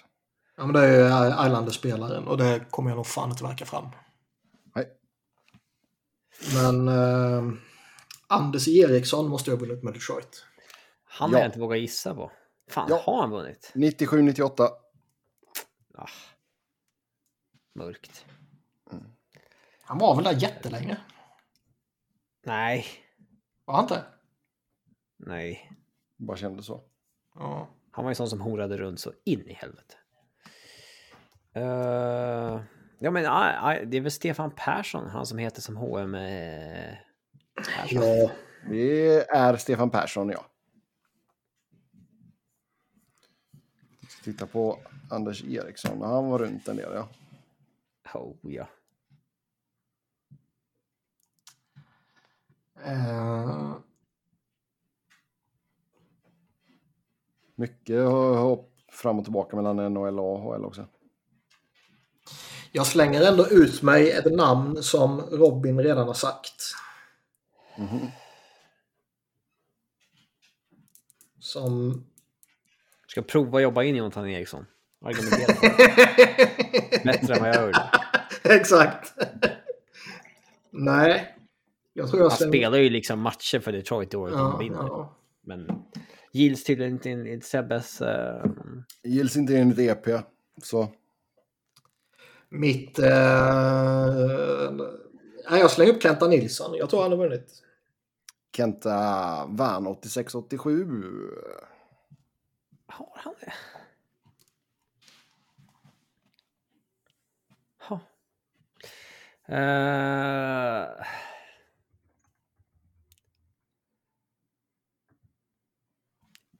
Grejer.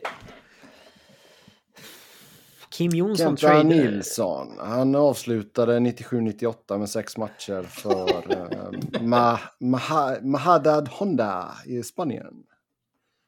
Mahadad Honda. Ja. Slaktade uttalet, men det skiter jag i. Ja. Eh, Kim Jonsson tradades ju till Ottawa, eller till, till Chicago det året de vinner den 09-10, men jag tror inte att han eh, spelade liksom så mycket. Han var ju skadad där och spelade liksom inte mer. Jag tror han faktiskt eh, slutade under säsongen så att säga. Ja, då får han ingen medalj. Eller ring. Eh, ja, du. Banken är tom alltså. Det... Ja. Då får du gissa helt enkelt. Kalle Johansson vann ju inte. Washington vann ju inget. Kenny Jönsson vann ju inget.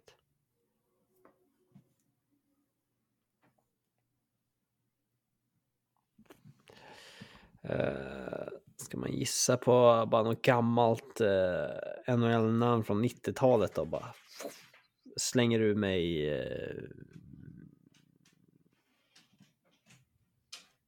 Thomas Sandström. Thomas Sandström vann 96-97. Jävla fanskap. Det var, ju Det var flyt. det var ju min chansning jag hade uppskriven här som mitt enda Men vilka då vann han då? Detroit, va? Alltså han vann det året han tradades dit? Mm. Jag hade för mig att han inte vann när han tradades dit det året de gick för så att säga. Men, ja.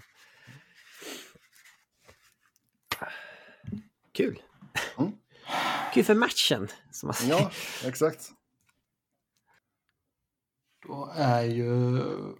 Niklas har ju fortfarande sin bom. Mm, Två gubbar inte- kvar som har vunnit två gånger. Jag har inte ens kvar några namn att chansa på. Så att eh, Niklas kommer ju vinna. Det var den sista spelaren från 90-talet också. Okej, nu har jag ett namn att chansa på i alla fall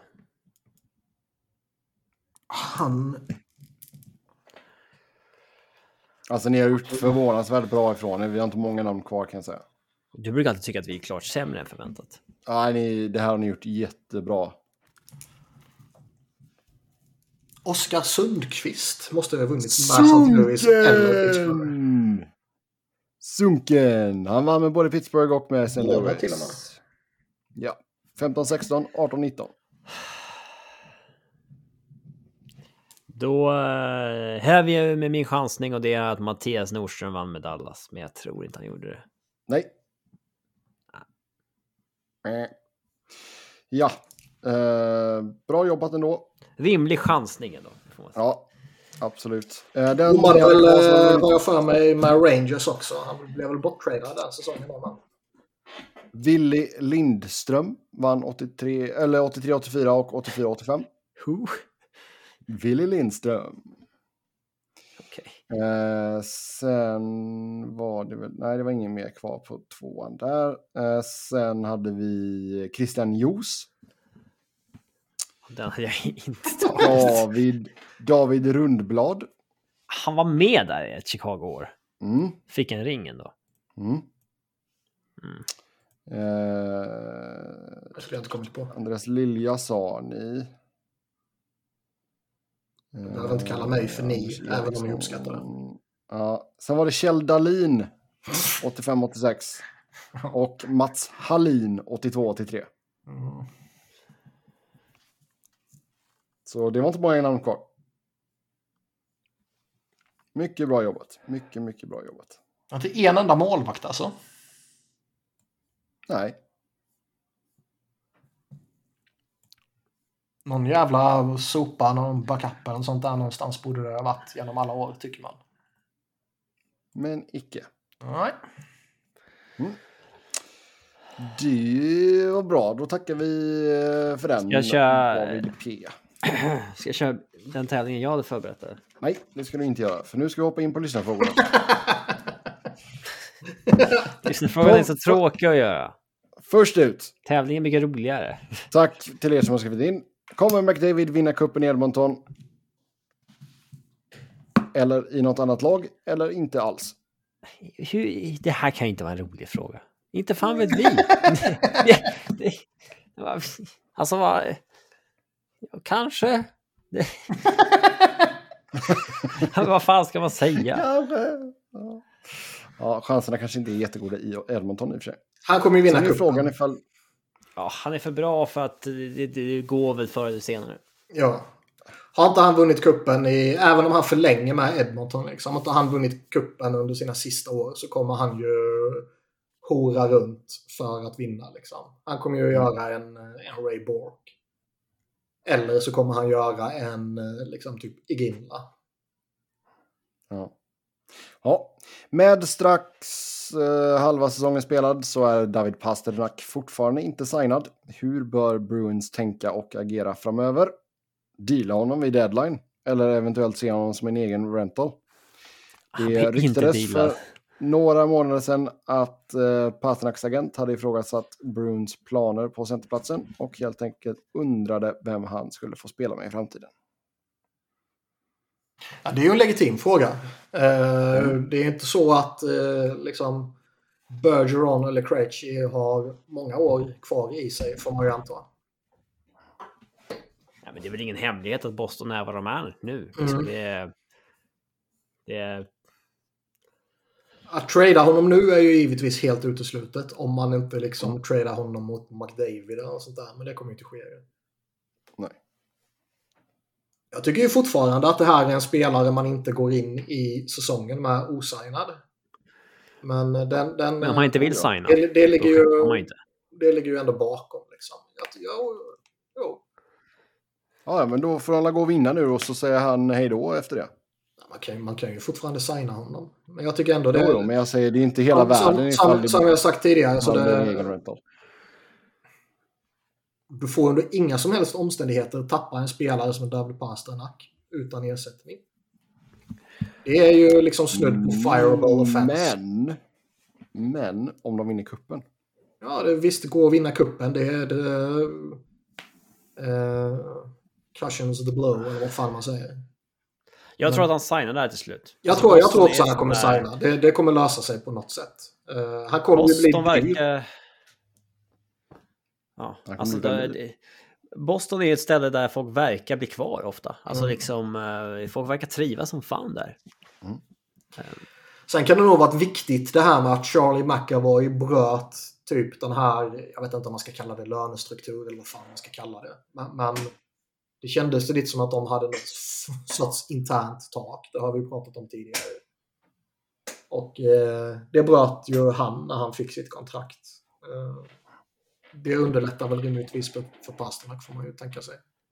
Oh, ja. ja, men han ska väl mer eller mindre dubbla sin lön. Typ. Ja, absolut. Kanske trippla. Ah, det är svårt att se att han ska på eh, 19 mille. Men eh, Men det kommer lösa sig. Han kommer ju förlänga. Det, det är jag helt övertygad om. Eh, Vad gissar vi på? 8 gånger 13. 12,5. Nej, jag tror inte det kommer bli så mycket. 11,78. Det kommer bli... ehm,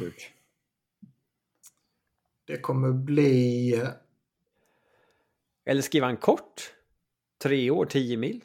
eh, det kommer bli... Antingen kommer det bli 8 gånger 8,8. För att han spelar med 88. Nej. Eller, jo, om det blir en jävla team-friendly skit. Eller så kommer det bli typ 10,88. Någonting med 88 vill du ha i alla Ja, fall. ja. Men jag vill gärna att det ska vara 88 dollar. Alltså på sluttampen där. 10 miljoner 88 dollar. ja. Mm. Ja, Och de i signing bonus. ja. ja, exakt. 88 bucks i cash på den varje sommar. Ja, eh, Blackhawks har NHLs största medgångspublik. Borde de inte inleda en rebuild on the fly redan nu, även om man ris riskerar, riskar Berard. Har man otur i lotteriet och inte förbättras nämnvärt så kan Blackhawks stå där med halvtomma läktare igen. Grejen är att eftersom Chicago med all rimlighet kommer suga jävligt hårt säsongen ut så kommer de ju hamna i botten. De kanske inte hamnar sist. Eh, de kanske inte får första valet men de kommer ju få ett toppval. Får man ett toppval i den här draften så kommer man få en jävligt bra spelare. Sen är det klart att Conor Bedard han står ju ut på ett jävligt extremt sätt. Men bara för att man får andra tredje valet eller fjärde valet liksom, så, så innebär inte det att du kommer få en dålig spelare. Det är några eh, otroligt imponerande prospects som följer bakom Bedard. Så jag tycker definitivt, är man Chicago, är man Anaheim, är man Arizona, är man Columbus, en speciell situation. Det känns som att det är mest skador där medan de andra är liksom dåliga. Mm. Då är det ju bara att tanka skiten ur sig. Och samma sak, alla som ligger där nere, liksom, San Jose, sälj av vad man kan göra. Vancouver, sälj av vad ni kan göra. Montreal, Ottawa, eh, Detroit, Philly, liksom alla, sälj av, sälj av, sälj av. Maximera möjligheterna för att få ett så bra draftval som möjligt. Allt annat är djupt oansvarigt. Vem av er hade varit bäst på att vara materialare? Vilken musik hade ni haft i eran skrubb? Topp fem filmer ni hade visat under en bortaturné? Ja, jag hade inte haft på någon musik. Nej, det hade ju varit minus för dig där direkt då. Och Nu bara, Jag nu tror sitter ni- ni här i tysthet. Fattar ni det? båda har nog spenderat mer tid med hockeyklubbor och grejer än vad jag har. Så att Mm. jag tror att eh, jag skulle vara sämst. Tror ju båda att jag och Niklas hade haft lite eh, temperament där. Alltså hade de inte skött sig. Du vet, ja, men du vet de slänger liksom grejerna där de inte ska slängas. Niklas, och- ja, men du hade låtit det pissas på full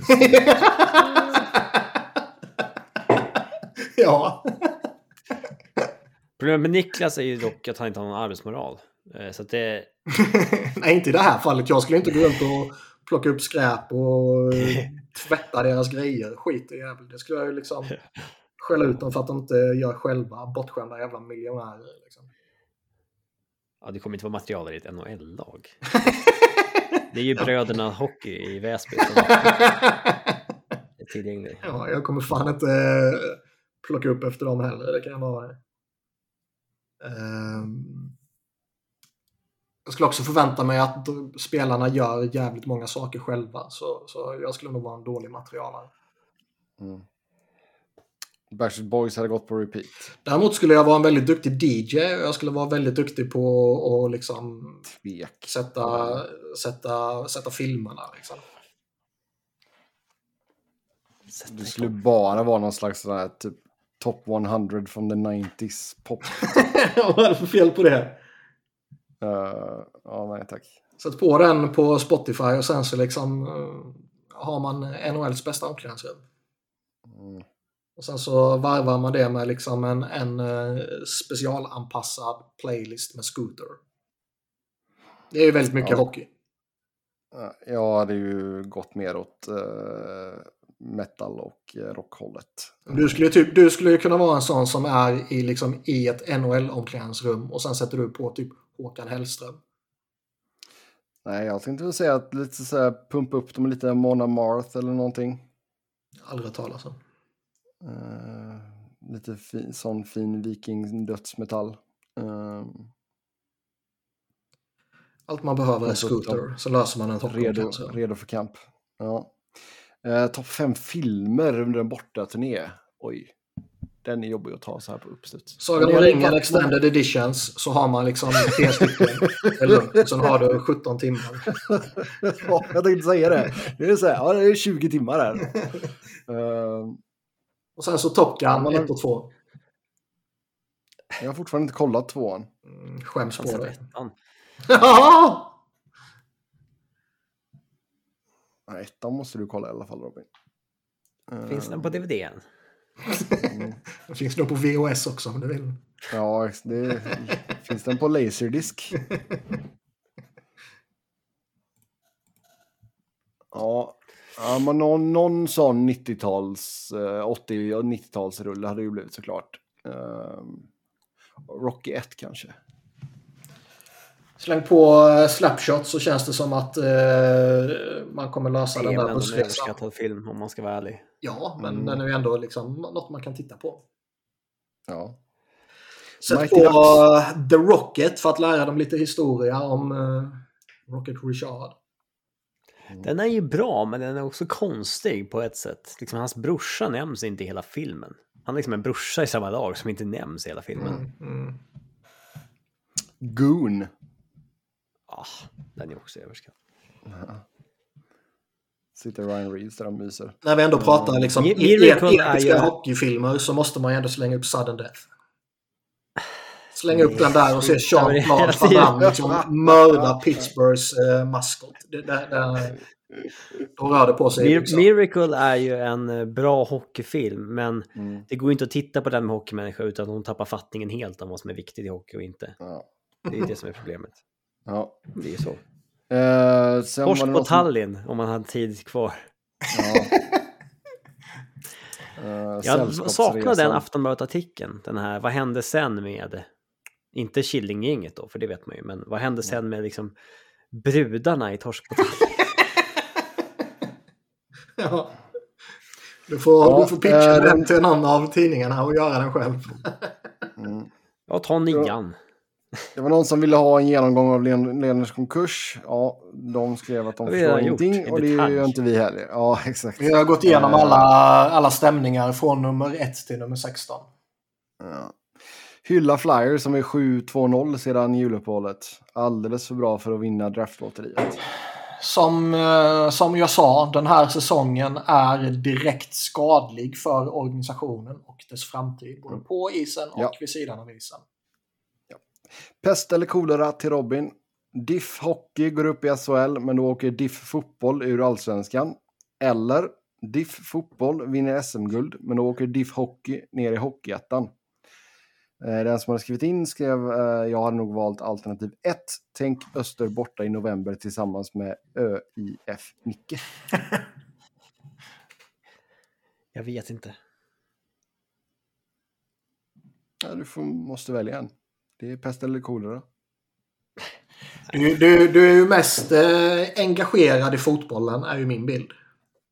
Men är det för att du brinner mer för fotbollen så att säga? Eller är det för att liksom DIF fotboll går jävligt bra de senaste åren medan DIF hockey har liksom gått sämre? Alltså, historiskt sett så har jag varit 50-50 som väldigt många andra. Men eh, generella intresset för hockeyn i Stockholm har ju gått minskat. Liksom. Förutom Väsby då. Ja. Visst. Men det har, nej, men det har, det har man ju förstått att uh, hockeyn i Stockholm har ju dippat ner. Inte bara kvalitetsmässigt utan även intressemässigt. Både, både, både Diffen och AIK. Mm. Du får... Uh... Det får gå som det går i bägge två helt enkelt. Ja, det var tråkigt, tråkigt icke-svar där alltså. Ja, det är som du säger om alla kontrakt. Vi får se vad som händer. Ja, Sen... Eh, faktumet att eh, Oilers lägger i sig till trots att McDavid är på väg mot 150 poäng luktar fiasko och flytt till... Jag antar att den här människan försökte skriva Saskatchewan. Men det blev Squatchon. Squatchon. Eh, det hade ju varit eh, fiasko ifall McDavid gör 150 poäng och Edmonton inte går till slutspel. Fatta om han breakar Steve Eisenmans eh, notering där. 160 var nu där. 5, 6. Nu blir jag osäker. Skitsamma. Ja. och, och de missar slutspel. Det är ju en episk clusterfuck som uh, folk måste ju skickas till höger och vänster i så fall.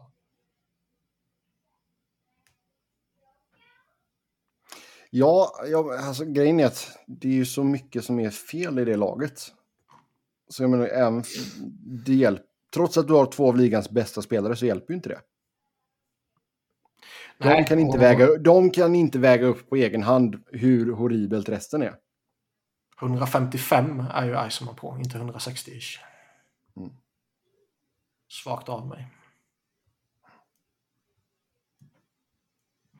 Så, men de bör ta sig till slutspel. Ja, det kommer de lösa. Ja. Jepp, jepp, jepp, jepp, jepp. Um, är ju en snackis om att Ovechkin klarar av att slå Gretzkys målrekord. Uh, kan han nå 1000 mål i grundserien? Behöver väl snitta typ 50 mål alla sina säsonger då. Och det känns ju inte omöjligt.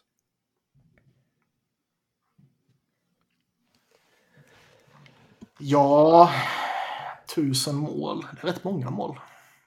Det är väldigt många mål. Han, han ska, ju, han ska inte kunna göra 50 mål när han är liksom 40-41.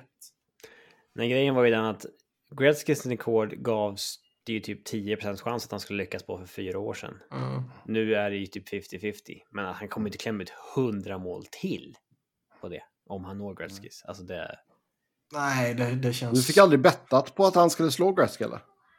Nej, fick jag inte. Det är synd. De hade ju förmodligen cancelat det bettet ändå eller någonting. Alltså, det är ju så de funkar de där jävla spelbolagen. Alltså. Ja. Mm. Ja, ja. Eh, var Håkan Loob... Jag hade ju tänkt sätta typ 10 lax på det när de gav 50 odds. Ja. Men det hade de ju cancelat. De kommer inte låta mig vinna en halv miljon. Men alltså hur kan de bara cancella en sån grej? De, alltså... de stänger ner konton om man vinner för mycket. Jaha. Det är ju inte snällt. Eller ja, de kan ju void, eh, voida bet om du har lagt ett för högt bet som det är så här, här är vinstutbetalningen för hög liksom. Du får betta mindre pengar. Eh, men sen så om du vinner flera gånger i rad, då misstänker de att du fuskar på något sätt och så kan de limitera ditt konto så att du får max lägga ett bett på en hundring typ. Och sådär. Ja, det är ju, om de har satt oddset och de har, alltså jag kan ju köpa ifall de sätter en gräns att ja, du får inte betta mer, vi tar inte ett bett på mer än, vi säger tusen kronor. På ett enskilt bett, det är väl en grej. Mm. Men, men om, om de tillåter dig att, att betta 10 000 kronor. Ja, men det, det, märker du inte först du har lagt bettet och du märker några dagar senare om de har tagit bort det eller inte. Ja, okay. ja. Men det skulle de väl inte ta, tagit bort för typ fyra år sedan liksom? Eller? Nej, ja, jag vet inte. Jag hade tänkt sätta 10 lax. Så att jag tror inte att de hade gått med på en utbetalning på en halv mille i så fall. Mm. Lätt att säga nu, men det hade varit så jävla kul att skänka de pengarna till någon ukrainsk militärfond om man vann dem nu. Alltså, eh, det är lätt att säga nu att man hade gjort det. Men Jag hade nog kunnat gjort det för the publicity. Inte för Ukrainas skull, utan för the publicity. Ja, okay, ja. Du får din lilla Och artikel alltså, men, där. att, att det skulle nå Ovechkin, det är ju det stora målet. Mm. Att det är en kille som bettade på att du gjorde mål. Du skänks den här pengarna till ammunition som ska sätta sig i ryska pannben. Liksom. Det hade ju varit kul. Jag tror han skulle eh, kontrat med att eh, matcha den till ryska armén. Det gör han ju säkert redan. Ja, förmodligen. Var Håkan Loob ens bäst i sin generation? Och vem Nej. borde egentligen ha den platsen? Klart han inte var. Han hade ju en säsong där han sköt stolpe in. Liksom. Fast fanns det ens någon, vad är det in, för jo. generation vi pratar om? Då är det Kenta Nilsson och Mats Näslund. 80-talssvensk. Kenta var ju såklart bättre. 80-talssvenskarna är ju inte eh, överjävligt många och stora känns det som. Om man pratar liksom... Eh, Det är ju inte Salmings peak heller. mm. Nej, I- visst, han är Islandersvenskarna fortfarande de, störst på 80-talet. de vann mycket men det var ju inte... De var ju bara passengers. Ja. 80-talet är lite svårt fan. Bob Nyström räknas inte. Nej. Nej, men det är väl Mats Näslund eller Ken, alltså Kenta Nilsson är väl den mest exceptionella talangen. Ja, det borde väl vara det. Utan att ha sett någon av de här live såklart. Ja. Då så. Jag ska se vilka som igen. var poängmässigt Ja, bäst okej. på eh, 80-talet bara. Ja, gör det. Gör det. 80, 81 till 89, 90 så var Wayne Gretzky bäst. Jag vill bara ha svenskarna. Jag visste faktiskt att Gretzky var bäst på 80-talet. Mats Näslund 612 poäng. Kenta Nilsson 592 poäng. Thomas Sten 574. Patrik Sundström 538. Sen kommer Bengt-Åke Gustafsson, Thomas Gradin och sen kommer Håkan Loob. Men han har ju några färre matcher än de i toppen också.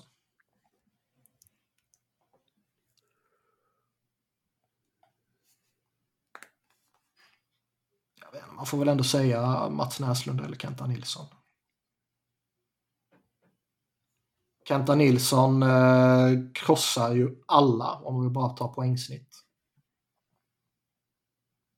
Han gjorde ju li- nästan lika få matcher som Loob. Ändå har han jävla mycket mer poäng.